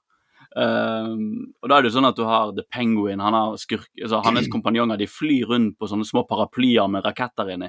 For de bare tenkte sånn Det er en tegneserie, what the fuck? Vi bare Det er rart, liksom. Det er ikke det folk vil ha. Det har gått, vi har gått langt vekk fra det, ass. Ja, det er Ja. virkelig. Jo, men de gjorde det. det men det var, for han var jo først rar. Og så kom det på jeg vet ikke om det var på 70-tallet eller 60-tallet, tegneserien hvor det var en sånn mørkere periode. Mm. Og det er den de har løftet frem med DC. da. Sikkert fordi at uh, de så at Marvel begynte å pushe ut sine helter. Mm. Og ikke kjørte det rare løpet. Ja. Men det var jo et rart løp som gikk i Det var vel tre filmer eh, utover 90-tallet. Jo, Ja, altså, de- Batman, ja. Ja, De gjorde han jo bare rarere og rarere. Til slutt eh, hadde jo Arnold Schwarzenegger som spiller Mr. Freeze. Mr. Freeze, så, ja. Og han bare gjør eh, is-ordspill og sier 'Ice to see you'. Og, Kanskje det er, er det. nummer fire, det, i den serien? Kanskje fire? Ja, det er fireren, ja. Ja. Fordi du har eh, først Ja, så var det, det var Penguin med Dan DeVito. Tim Burton var fremdeles på ballen. Jævla weird og freaky. Og så kom eh, Robin inn, og da byttet de regissør han er uh, Shoemaker Macker. Ja, ja, ja. Val Kilmer og ja. Ja. Og så var det Dush George Clooney som ble på det rareste. Og de ga helt opp, for de bare Ja, det var helt absurd. Og da var det U2 som lagde musikken. Helvete. Ja, på Val Kilmer, ja. Herregud, det var Ja. Det her, eh, ja. Rart. Å, den var veldig bra sang. Men jeg syns jo bare sånn eh, nå, eh, jeg, jeg, jeg så for øvrig at det kom en teaser på Vi som snakker mye om teasere på den nye sesongen av The Boys. Den kommer ikke før i juni, så vi får heller snakke mer om den da. Men der har jo de Jeg føler det som The Boys tar jo tilbake litt av den tulletheten rundt superhelter. De Mm. har, jeg føler det er et aspekt med hele greien. Ja. At de er tullete. Men de tar det veldig seriøst. Men de, jeg, jeg liker litt at de leker med det der. Så vi Ja, men de viser vel kanskje hvor tullete det er. For det, Ja, det er egentlig det hvis de gjør. Sant? vært- Men så tar De viser hvor tullete det er, men så, samtidig så det blir tatt veldig seriøst i serien. Så de viser, Mm. det er et veldig fint spill der. Men jeg liker, de må ha en motreaksjon nå, fordi at Marvel har gjort det så stuerent og så cleant at folk glemmer hva de ser på, liksom. ja. Jeg gleder meg. Det ene nye karakteren der skal uh, Soldier Boy, som er visst Ja. helt uh, Helt sinnssykt. Beklager, nå er katten min klikket her. Det, det, det vet dere hører det. Ja. Eh, Han han også til legen. hør på dette her. Men eh, eh, Thomas, eh, hvordan Ja. Eller hadde du mer skulle si, det Ikke egentlig. Jeg føler jeg har fått ja. ut uh, greien min. Jeg, altså Superheltfilmer det er sikkert ikke siste gang vi får snakket om det, så det er good. Nei, nei, nei. Nei, men eh, hva har du sett på eh, TV-en denne uken, eh, Thomas? Du, jeg har jo sett på mye av det vanlige, men jeg vil fortelle om min opplevelse med linær TV. Fordi at eh, jeg var i Oslo på opptak, og eh, på hotellet så slo jeg på linær TV. Og det første jeg ser når jeg kommer på, er meg sjøl! Oh. Det er ganske bisart. Mm. og det her var eh, altså, Det er ikke sånn at du ser eh, veldig godt Hvordan har at det din. TV-uke vært? Jeg har sett på meg sjøl. Ja, ja, men hør da, det er Det er veldig, fantastisk. det er en veldig rar greie, for det jeg, jeg kjenner altså, jeg, eh, Det var på um, eh, et eller annet sånt der TV2 Sebra, jeg vet ikke eh, hva kanal det var egentlig, men det var for noe sånn der Vi følger politifolk rundt omkring i distriktet, og så var de i Bergen. Og dette var da fra sykkel-VM eh, eh, i 2017. Og så, og så følte jeg da det der, eh, de politifolkene bare sånn «Ah, Nei, nå kommer han. Var, jeg kom midt inn i det. Så sykla de i mål på Fløyen, og der står jeg i målområdet med en fjollete hatt og en stor norsk fing. Sånn. Åh, jubler. Så det, jeg kjente du, jeg, vet at det er meg, fordi at jeg Ingen skal se at det er meg, men jeg kjenner jo igjen hatten og hvor jeg sto, og det var veldig morsomt, syns jeg. da, bare plutselig så får jeg Der er jeg! Der er jeg! Og Det er fjollete og det er teit, men det var en fantastisk opplevelse. Okay, Ja. det- Thomas, det var en dårlig historie. Jeg skal derfor Det er mulig umulig å dobbeltsjekke dette. Det er sant. Eh, ja, vi kan eh, Da vil jeg heller gå over til quiz til deg, Thomas. Hva sa du? Hva, hva sa du? du Du har, jo sett, du har jo sett en dokumentar. Ja, nei, jeg, jeg har noe annet jeg vil få snakke om òg. Ja, Samme linær-TV-opplevelse, så switchet til kanal. Og da må jeg bare fortelle, for jeg har òg Klarte du det når du Ja, var på TV-skjermen i to ja, sekunder? Ja, ja, jeg, Tenk hvis du kom tilbake igjen. jeg klarte å bytte kanal, og det var eh, Jeg gikk over til eh, n, eh, National Geographics. Og Og jeg var jo her på vinterferie, og eh, der skjedde det en ting som eh, fascinerte meg dypt, eh, som jeg òg fikk veldig vondt av. Eh, står på ski sammen har eh, yngstemann i pulk og går nedover fjellsiden der og jeg er ustø som jeg er på ski, men Men jeg har Skjedde dette på TV, Thomas? Nei, nei, nei. Dette, det, det to ting, to, ting, to ting, to ting her. To ting, ja. Men jeg går der, og midt i skitrekket, midt i skitrekket, så møter jeg en bil. En bil midt i skitrekket, eh, og det står da to dansker som har eh, fulgt GPS-en slavisk og kjørt inn i skitrekket og kjørt seg fast. Og dette blir jo en hel seanse der vi må grave ut bilen, og det er eh, snøscooter, og man, det er et jævla kar for å få løst denne bilen. Men vi klarer det. Det er en stor seier. Så når jeg da setter over på National Geo- Geographics to dager etterpå, og får se vinterveiens helter, så ble jeg dypt fascinert av disse folkene som jobber på Hardangervidda, snakker fryktelig dårlig engelsk, men trekker ut til lastebil fra snøen. Og jeg har fått en ny fascinasjon. Det er og, eh, bilberging. eh, og, eh, og igjen, jeg ble skikkelig fascinert. En ting er at det er, det er et eller annet med så utrolig fjollete og pompøst program, for det er liksom et veldig amerikansk program, men det er liksom satt på Hardangervidda. eh, med en sånn amerikansk voiceover som forklarer liksom hva de skal gjøre med sånn animasjon, og hvordan de skal trekke den eh, traileren ut fra eh, snøen som er så hard at eh, han kan ødelegge bilen. De bygger det vanvittig opp. Og så samtidig så har du sånne der folk, folk som ikke kan engelsk, de bare sier sånn derre Yes, the car is uh, uh, really stuck in the snow. And uh, I don't uh, know uh, how to get it loose. It, it, will- it cost 8 million kroner, and uh, it will break if you do something wrong. Og så har du liksom hele den kombo der. Jeg, jeg, jeg koste meg skikkelig. Og så har jeg da nettopp hatt den opplevelsen hvor jævlig vanskelig det er å få en bil ut av snøen. Så Mm. ser jeg dette. Nei, jeg likte det. Jeg koste meg med den Hadde der du- TV. National Geographic. Kunne du ønske at du hadde sett TV-programmet først? Hadde du da Ja, klart da hadde jeg ut? da hadde jeg vært eh, veldig Da kunne jeg vært en du- mye mer da? Hva hadde du lært av TV? Hva hadde du gjort da? Mm, Jeg hadde kjøpt en sånn uh, brøytebil til 8 millioner. Eh, For det, var, det gjorde de i den episoden jeg så, og den var veldig kul. Den hadde veldig, kunne trekke 60 tonn. 60 tonn! En bil som kan trekke 60 tonn! Det er kjempegøy. Men ville du hatt en spesiell hatt på hodet og en finger? Definitivt. For det hadde vært mitt varemerke på Vinterveien her. Du blander liksom bare alle TV-opplevelsene fra hotellet. Ja, det blir en sammenspør... Jeg beklager det. Det er en eh, sammen... eh, Det, det, det, det, det, det, det er mye surr, men jeg koste meg. Jeg Ja, koste Lapp på øyet, og så sitter jeg i rullestol. Og så. For den eh, bedøvelsen, det var ikke bare i pungen, var det det? Nei, altså Nå føler jeg at det begynner å gå utover, så jeg må ikke le så mye mer. For, jeg, For det nå, uh, nå begynner det å bli litt ømt Det er vondt når du ler. Men eh, da, da, da, da, det er jo en fin overgang til For du så jo en, en dokumentar, skulle du Nei, jeg har ikke sett det, Markus. Har ikke Tuller sett du? ferdig. Igjen? Nei, det er, og Nå det ble er jeg oppriktig irritert. Ja, jeg vet det. Jeg, jeg, Markus, du har sikkert forberedt deg masse til dette, har ikke du? han hadde jo quiz på meg i forrige episode. En, så jeg driver jeg forbereder meg til ingen nytte. Nei, men jeg, jeg vet hva jeg En dag Du har drevet og sett på deg sjøl, Thomas, istedenfor å se på den dokumentaren du skulle love. En dag skal dere bli skikkelig stolt av meg. Da skal jeg, da skal jeg gjort alt, og det kommer ja, er det vignetter i hytt og Da er gevær. podkasten lagt ned. Ingen gidder å høre på en sånn podkast. alle, ingen tror at Thomas eh, Det vi gjør, er det at det blir sånn såpeseriegrep. At jeg bare blir byttet ut. Sånn, ja. Helt sånn jevn, uten at vi gjør noe nummer ut av det. Men med en Ja. pliktoppfyllende eh, person som bare gjør alt han skal, og fikk netter hver uke. Thomas, han ligger, i, kjemisk eh, Thomas ligger oppe i Isdal, Han er stygt forbrent. Så han kunne ikke være med til denne podkasten. Ja, det er der det ender. Det er der det ender. Det er bra du ler. Nei, eh. Jeg er veldig lei for det, Markus, og jeg har veldig dårlig samvittighet overfor deg. Men hvorfor gjør du det gang etter gang? Hva er, hva er problemet? Jeg, jeg? Jeg, det, er, det er to ting. Det er uh, eh, ja, Jeg klarer ikke å komme på én ting engang, så sier jeg to. Det er veldig dårlig utgangspunkt. Eh, men det er rett og? Ok, det, er- ok, det mange grunner. Tolv ting, minst. Hvor skal jeg begynne? Nei, Og de flere av de rimer på hverandre. Neste gang skal jeg lage en rapp, OK? nå, gjør det. Nå, nå kjenner jeg at jeg har snittet opp pungen her Bare ler. det, Ok. det, det, jeg, jeg er bare dum, Markus. Jeg er bare dum. verste. Sånn, jeg ser for meg jobbe med deg på sånn skoleoppgave, og så bare sånn OK, Thomas, jeg har skrevet tolv sider. Hva har du gjort? Jeg gjorde ingenting, jeg! Jeg bare eh, dukket opp. Ja. Men jeg så på TV, så så jeg en som lignet på meg.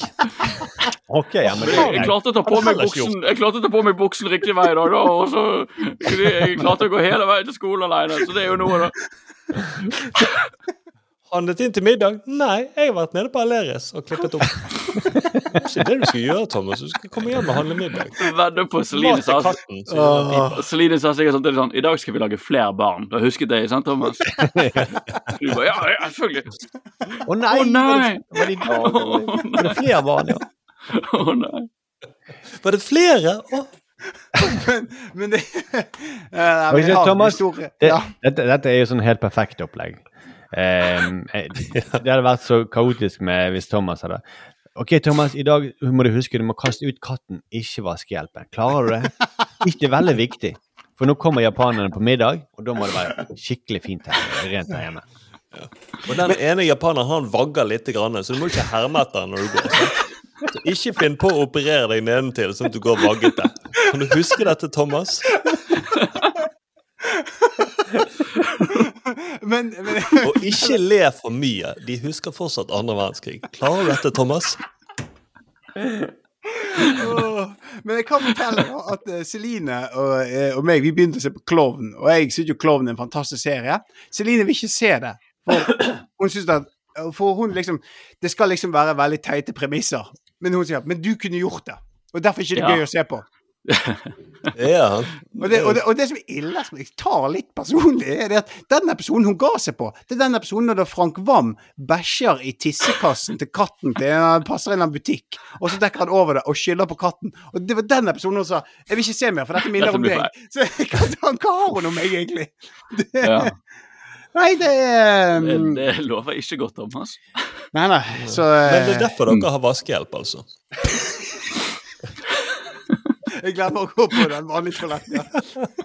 At du bare gjør som katten. På hvite teppet. Thomas! Nå må vi stikke nesen til Thomas ned i det hvite teppet, sånn at han lukter det. Og jeg slutter med det. Jeg driver og gulper opp sånne hårballer hele tiden. Jeg vasker meg. Jeg glemmer å dusje, så jeg bare sleiker meg på armene. Ok, men da vil jeg ta min TV TV-uke, da. Ja, det de Vær så god. Ja, fordi nå har du forberedt en lang quiz med greier, men det var Ja, faen. Ja, ja. Men, men. Jeg kjøpte, jeg nytt headset for å høre den nye vignetten. Eh, jeg, jeg, jeg har faktisk eh, Min TV-uke er jo såpass Den er jo litt Det er en god overgang, for min TV-uke har vært nesten like dårlig som Thomas sin. Eh, jeg har bare fortsatt å se Cobra Kai. Jeg så, så er hele ferdig. Alle fire sesongene. Oi, oi. Ja. Shit. Eh, Det må dere se hvis dere liker vi ser på det støtt og stadig her også. Jeg, jeg, har for, jeg har fortsatt noe, jeg elsker det. Mm. Men ikke noe Masse jævla quiz. Markus. Masse, svak, masse svakheter. Masse dårlig skuespill. Altså sånn, noe veldig bra Mm. skuespill, men sånn som han er eh, Han er Daniel LaRusso Jeg klarer ikke ikke legge merke til at han hver eneste replikk så rister han sånn på hodet. Uansett hva han sier. Det er helt umulig. Det er sånn her det er den eneste måten han får det til å liksom virke som det føles bak. Det er å riste han på hodet. Men det han fikk vel den skaden etter det sparket, var ikke det? han? Det er sånn wobbly Så ble han sånn etterpå. Men det er ikke så dårlig filmen egentlig, da. Nei. har jeg jo huske. Men han som han er Robbie Keane, som er sønnen til Johnny Lawrence, eh, han er jo også en forferdelig irriterende skuespiller. Ja. Men gøy Utrolig da. kul eh, på matten, og han blir jo faktisk bare bedre og bedre i karate etter hvert som innspillingen Du ser at okay, han her skuespilleren han, han begynner å bli en liten atlet. Han er ganske god. Eh, Ja. Men han er ikke noe god skuespiller. Han har jo blitt sånn eh, teenage heartrob som dukker opp i litt sånn eh, tenåringsromantiske komedier også nå. Det kan jeg tenke meg. han har looken. Han har looken. Mhm. Men det er gøy at han heter Robbie Keane for de fotballinteresserte. Så, synes så var jeg sånn hi-hi, det var litt gøy. Ja. Det er jo en irsk legende. ja, og som bringer meg over til Han spilte på United, eh, legendarisk der. Eh, det Nei, det er Roy Keane. Robbie Keane spilte. Ja, Robbie Keane spilte på Tottenham, ja, selvfølgelig. Ja, ja. Ja, ja. Som, han er jo Inter og um, Coventry. Han har en rikholdig karriere. Avsluttet i Ja. Los Angeles Galaxy. Ja, det er riktig. Mm. Sitter du jo Det var litt Nei, nei, nei, nei, ja, dette er sånn, Ja, er har du har forberedt dette, ja. Ja. Ja, ja. Jeg, Det har du ikke quiz til skulle dere. gjøre. Men jeg, jeg, jeg, jeg, jeg har sett fotballkamp, jeg har sett United, og jeg har jo fulgt Man følger jo fotballag litt som man følger en såpeserie. At det, man blir jo hekta, liksom, og tenker 'Å, nå går det kanskje bra'. 'Å nei, nå går det dårlig'. nå går Det Det som jeg, jeg har funnet ut, er at såpeserier, de er, eller alle slags serier, er jo veldig flinke til å posisjonere ut nok mengder drit. til At du, altså akkurat nok drit. Det går veldig mye drit, men det er så lite det er ikke så mye at du ikke orker å se mer. Mm. Det, de er flinke til å posisjonere det ut. da. Men i fotball de, de får det ikke til. Det, det er ingen Det er bare det er, nett, det er jo noen høydepunkter, men det er så langt mellom de. Eh, så det er Nå vet jeg ikke om jeg klarer mer. Det er, det, Men nå er snakker du som. Manchester United-supporter. Ja, men hvem andre er det? Du må jo være liksom City-supporter. da, liksom, Det må være eneste som er alternativet. Ja, jeg tror ikke det, det er ikke gøy. Altså for, for oss som er bergensere som følger Brann, så er jo alt bare deprimerende på den fronten òg. Så vi er jo ikke hjemlig fotball. Løvam som er min klubb, er jo lagt ned. Jeg eh, begynner å slite her, altså. Kansellert. Ja. Jeg vet ikke om jeg klarer å se mer fotball på en stund. altså. Det, jeg må se Men kan, kan jeg spørre liksom i, i idrett og sånn Jeg følger jo mye med på basket og sånn, da.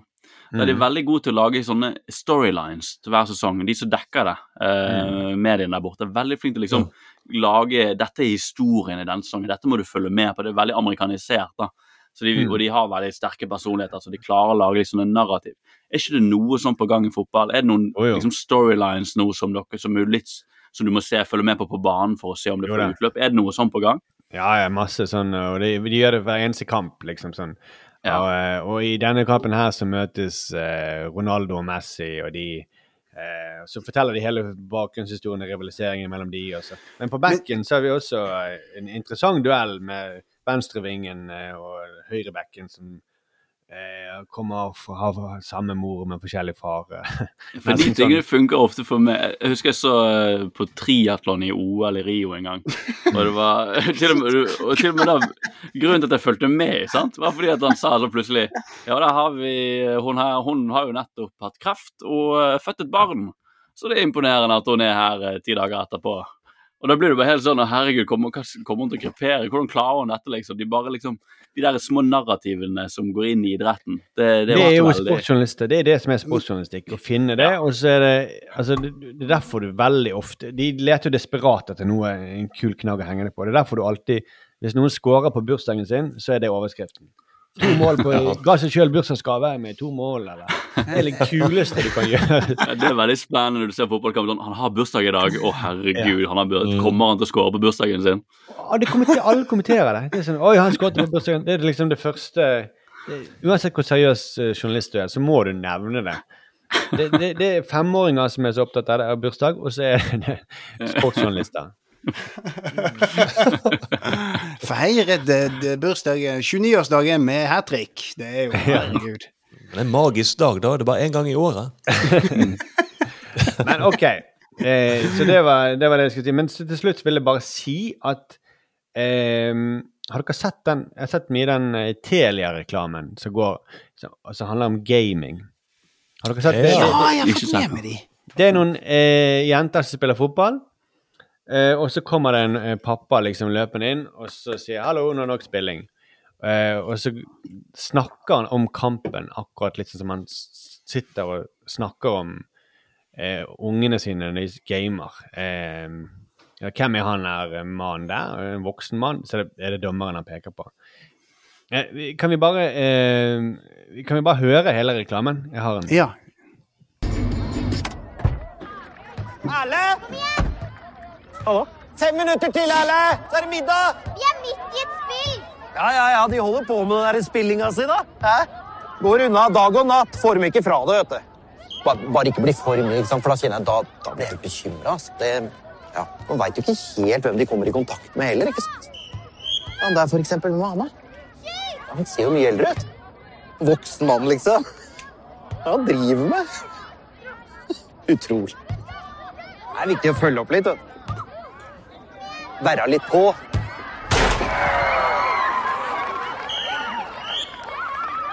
Er det nok eh, spilling for i dag, jenter? Dere hadde ikke gjort det her med fotball. Morgen. Så ikke gjør det med gaming heller. Vil dere være litt på når det handler om barn og gaming, hjelper vi dere i gang på telia.no. Og så bygger vi Norges råeste gamingnett, da. Hilsen Telia, Norges største utfordrer. Ja, det siste, siste som skjer, er at han tar ballen liksom bare og sparker den vekk. Så det er nok spilling for i dag.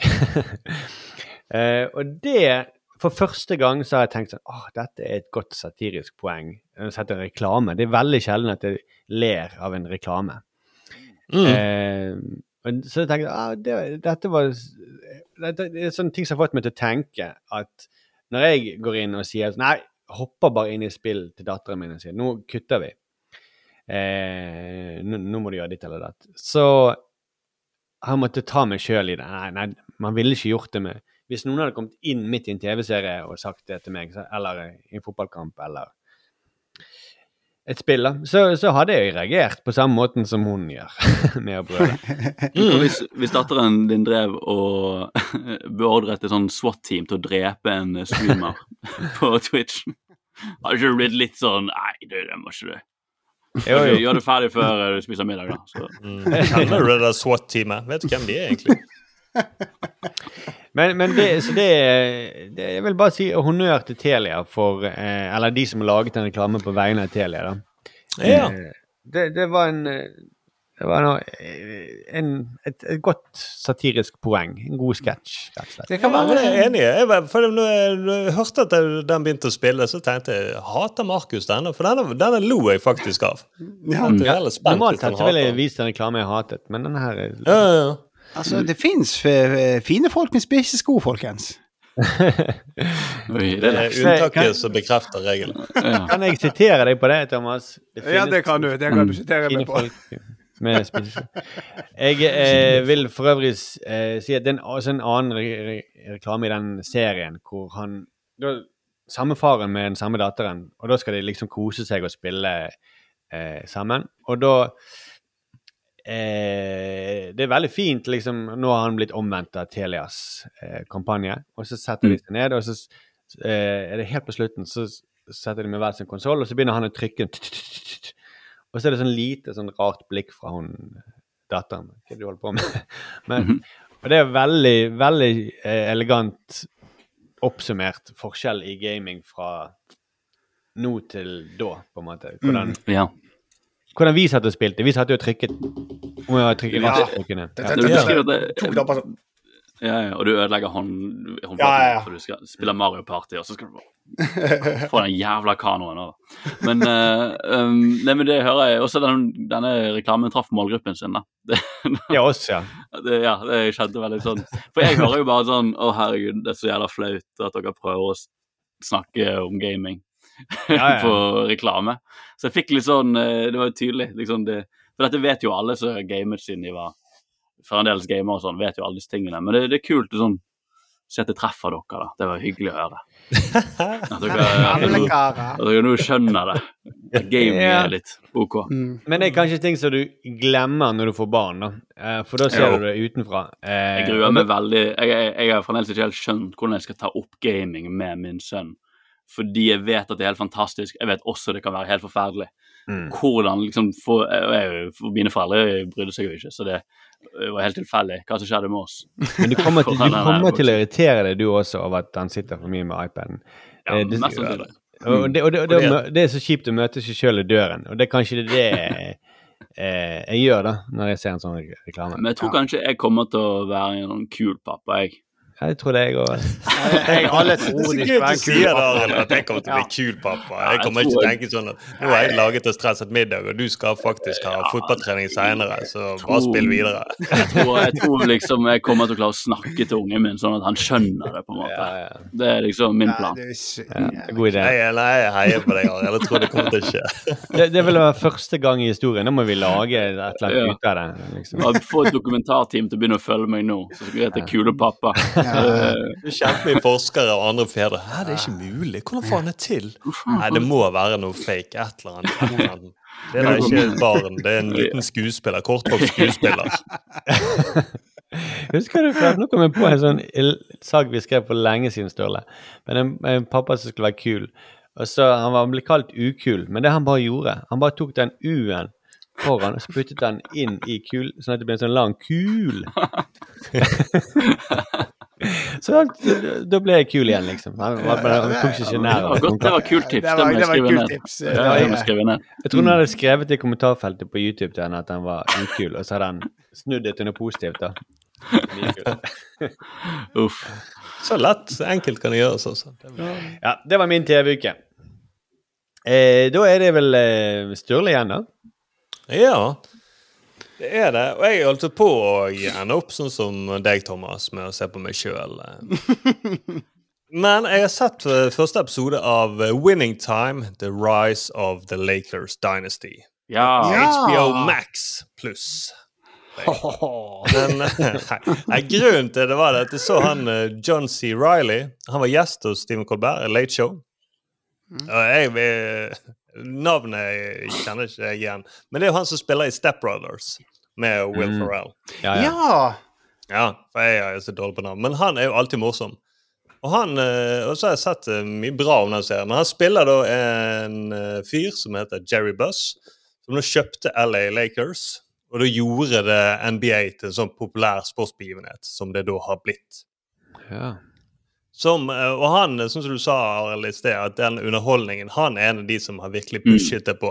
Fordi at når, I 1979, når han uh, Buss eh, kjøpte LA Lakers så, og signerte Magic Johnson, så var da basketball så i dass at golf og bowling hadde bedre seertall. Å, herregud. Det er absurd å tenke på. Når var Ja, dette? Ja, På slutten av 80-tallet, var det du sa? Nei, slutten av eh, 70-tallet. 1979. Ja, ok. Så på den tiden så var liksom uh, golf og bowling Det var flere seere. Å, så- herregud. Det er helt uh, vilt å tenke på. Og så snudde han det da med å gjøre mye show ut av kampene. Så han var den første som inn med de LA Lakers uh, girls, cheerleaders, i pausene. Og Mm. målet hans var da at hver kamp skulle være en sånn underholdningsevent. Mm. Det Ja. er kult. Men, eh, Ja. det, men har, har dere vært på en sånn NBA eller noe sånt? Nei. Jeg bare hørte at det var noen på skolen som hadde TV Norge. de sa ut ord som Dennis Rodman, Scotty Pippen. Nei, jeg, jeg har altså- sett eh, NHL, og det er bare sånn uh, Veldig kjapt. Det er faktisk noe av det gøyeste jeg noensinne har sett, fordi at det er så pompøst show og alt mulig er så Det, er, det, var, det var rett og slett dritgøy. Eh, New York Islanders mot Tampa Bay Lightning. Det var Ja, helt det var magisk. Det var hockey, Det var ishockey, da. Ja. Men uh, det, det er jo samme greien eh, i halv og intenst. Men det er så mye reklamepauser, så de må underholde. Og de tar jo så mye timeouts og sånn også i basket. Så de er konstant sånn der Det er veldig vittig når du ser en basketkamp at uh, spesielt mot slutten så er det så mye timeouts. Og da har de sånn underholdningsshow på underholdningsshow bare linet opp. Så de skal liksom de skal være vekke i to minutter og bare ta en kjapp huddle. Og så bare kommer det noen gutter som bare tar masse saltoer. Og liksom bare sånn i to minutter bare sånn Og her kommer Salto Boys! Salt Lake Salto Boys! De bare tar masse saltoer og liksom bare skal ha god stemning, for det liksom må være underholdning. Og så spiller de basket i 30 sekunder. Og så et ny timeout motsatt lag. Og her kommer Flip Flop Girls! De bare ligger på gulvet og flipper. Altså det er sånn her show på show på show, da. I ja, det- sånn basketsendinger. De prøvde jo det, altså de har jo prøvd det i fotball. Eh, Med alt dette du snakket om skape narrativ og sånn som de gjør, det, Mm. det, det kommer jo med eh, når Sky Sports, altså Rupert eh, Murdoch, når han kjøper eh, engelsk fotball på begynnelsen av 90-tallet og skal gjøre sånn som de gjør det i USA. Og da kommer, har de sånne lange sånne sendinger før build-ups til kampene, hvor de setter alt inn i kontekst. Og, og det er jo nesten fetere å se de build-upsene enn selve kampen ofte. De er jo en time lang. skuffet United-supporter her. Ja, det var voldsomt òg. Men, men det er, jeg syns jo det er dritgøy å se på det der. Du får, du får masse Ja, ja. forventninger, og de lager sånn kule montasjer med masse sånn nærbilder av uh, slow motion og sånn. Men uh, de, det de, Så det fikk de jo til, og de, det har vært et, en kult element som de har uh, fått inn i fotball.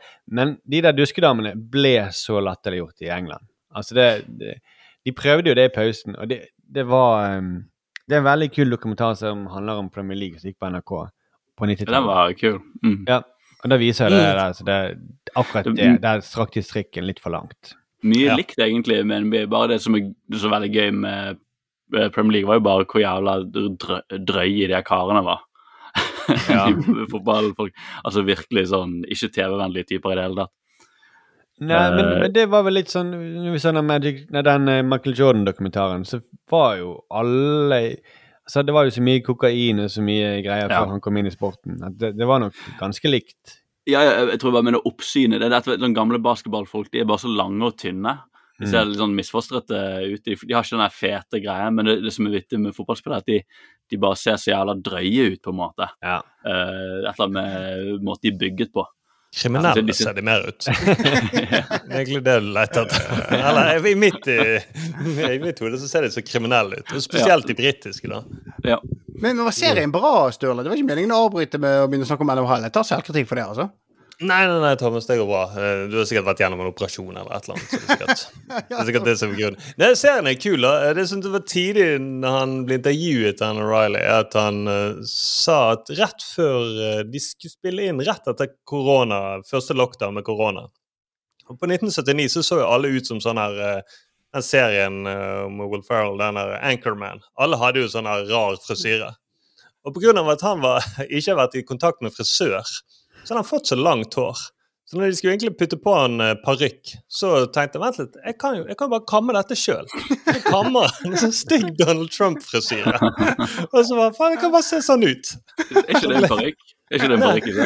Nei, kan- det er hans eget hår, da. Det er jævla vittig.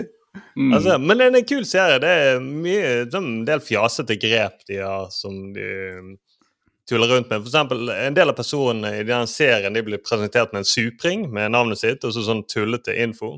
For eksempel en basketballspiller, en Norm Nixon. Han møter vi mens han får pedikyr. Og da er supringen Norm Nixon under tittelen 'Tok aldri pedikyr'.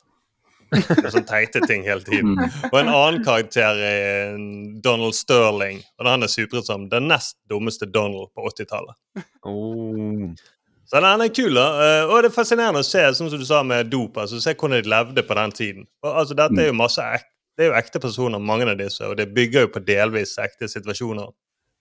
Så det er jo da i tid hvor det var mye Playboy-fester, ingen var bekymret for kjønnssykdommer. Lurer på hvordan det går med Magic Johnson. Eh, det var veldig sånn happy-go-lucky-stemning. Mm. Jeg tror det egentlig har vært gøy å lage en lignende serie i Norge, da. Med Arbeiderpartiet før metoo. At alle har en sånn holdning om at alt er greit og god stemning. Hovedpersonen kan være en sånn jovial apemann som kanskje greier håret fra nakken og fremover. da. Gjerne snakke trønder så godt humør. da. Og så kunne han nesten hatt samme tittel. The Winning Time. The Rise of Ape Dynasty. Men nei, men det er en kul serie. Og det som er digg med den, er at det bare kommet ut én episode foreløpig. Å ja. Ja. Ja, sånn ser jeg iallfall hvis jeg har forstått HBO Max rett. Så Så da har ikke det presset sånn- på meg å se en episode til. God stemning. Mm. Ja, Ah. Forresten, ja. Må jo se mer av Kobra Kai. Hvorfor driver de og skifter navn egentlig på HBO Max og HBO Nordic? Det er jo ikke interessant for noen. Det er bare klønete for oss. Kan jeg er bare, det er noe jeg vet hvorfor. Det er noe, det er Ok. Altså, det, det- HBO Max er ordentlig HBO, mens HBO Ja. Nordic var bare noe som hadde lisensen. Men Ja. kan, kunne ikke de bare kalt, fortsette å kalle det HBO Nordic, da, så hadde det vært mye enklere for oss? Jo, Norge. Og Dplay, for nå er det Discovery Pluss. Er det Ja, ja, og Og TV2 TV2 Play er det blitt. Det er ikke Sumo lenger. Det, er, det, det, var, det var, visste ikke før Det nylig. dårligste er eh, NRK TV. Ja, den Det er liksom nettspilleren til NRK. Ja, og så alle Eh, podkastene ligger i NRK Radio. Det, der, NRK TV, der- i motsetning til eh, lineær-TV, da, det, det er jo bare forvirrende. det er Kjempeforvirrende. Ja. Hva skal det være, da? NRK Pluss? NRK litt vittig nå, faktisk, for den eh, basketserien Den heter jo egentlig Den blir promotert med et annet navn, og den heter jo faktisk Showtime. Uh, som, for det var kallenavnet på Lakers, det var Showtime Lakers. Men så innså de at det er jo navnet på en TV-kanal Mm. eh, i USA.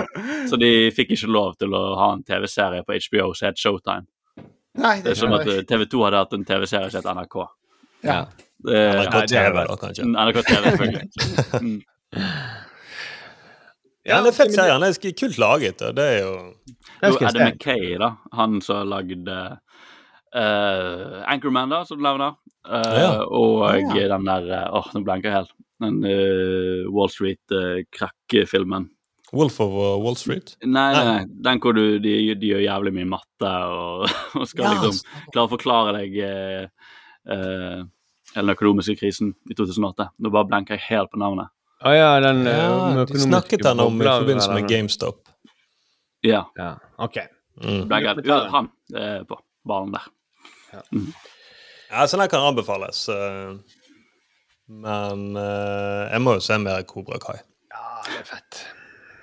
Det, og det, det er så gøy eh, altså Den turneringen i, i sesong fire på slutten, her, den som går over to episoder, den er, den er så fet. Du gleder deg til den, og så når den kommer, så er den dritfett. Det er gøy. det er gøy. Jeg gleder meg veldig til å eh, Jeg bestemte meg i dag for å bare fortsette, og det er Ja, det må du. Det var helvete. Det, det, det er Det- gøy, altså. Veldig såpeserie.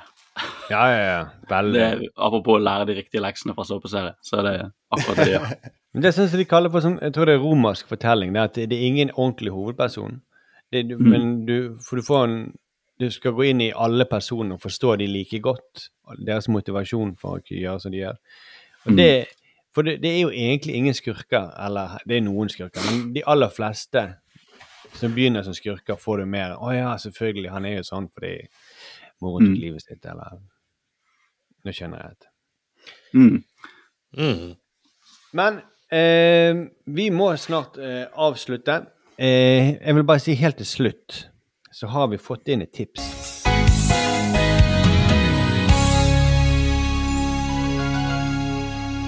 Han sier vi vil gjerne tipse dere om serien Kidding. Jim Carrey eh, spiller en barne-TV-stjerne løst Ja. basert på Mr. Rogers, som har store problemer etter at en av sønnene døde. Jeg synes dette er noe av det beste fra Jim Carrey jeg har sett. Hysterisk morsomt, sårt, varmt og bare nydelig. Mm. Håper den faller i smak. Ønsker meg et signert bilde av Dag Inge Ulstein, eh, og, eh, Zelenskyj og komikeren Thomas Teige. Å, herregud! Stian! Stian, Kogler, Stian Kogler er det som har sendt inn det tipset på Ah, Den, er, den har jeg faktisk eh, sett. Den er veldig fin. Bør vi se den? Ja. Jeg falt jo litt av på den på et tidspunkt, men jeg husker, kan godt hende det var for jeg, eh, jeg kan vet, Kanskje livet bare var rart på den tiden, og jeg ikke trengte å se deprimerte folk på TV. Men uh, jeg husker at det var det er han Michel Gonnery som er en av mine favorittregissører fra jeg Ja. var liten av. Ja. Er det sant? som Er det han? Med. Så, ja. så det, den er veldig, den er veldig fin serie. Hvor kan vi se Kidding? Noen som vet det? For den høres veldig spennende ut. Tror du det er HBO den ligger på? Er det? HBO Max? Jeg låste eller HBO Nordic før, da. Nordic, I hvert fall. Så det, vi får se. Skal jeg, eh, ja, vi kan finne ut Savner av det. HBO Nordic. det var mye bedre, det. Uh, jo, men den stemmer, for han kom ut for noen år siden. Mm. Det, den, skal vi, den eh, tror jeg at uh, vi kan se til neste uke. Uh, fortsett å sende oss tips på enten på vår i, i direkte melding på vår Facebook eller vår Instagram, eller eh, send en mail til post5080.no.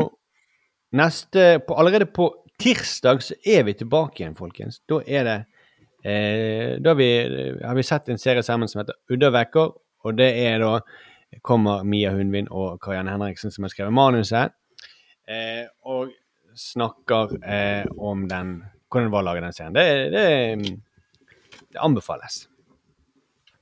Ja, både serien og praten med de, rett og slett. Ja, særlig praten med de. Ja. Vi eh, går og legger oss.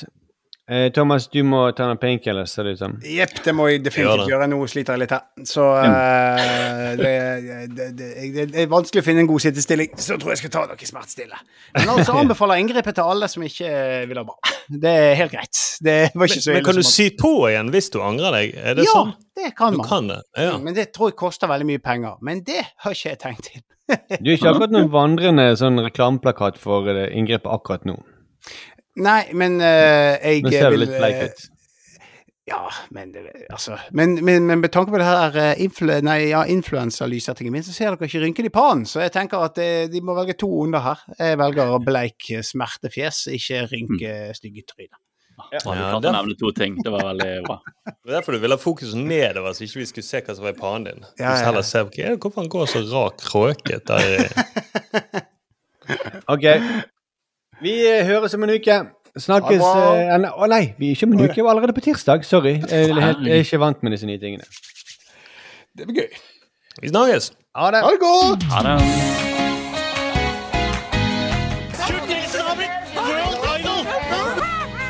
Det gjør ikke Ja, jeg. brøler gjerne! Det var helt ærlig, så jeg ikke smakte der. Jeg er jo egentlig en ganske flatbrystet pike. Oh yeah? Well, I love you too! Det ser jo ut som en løgn. Er Kjersti, sånn snakker vi ikke. One small step for man,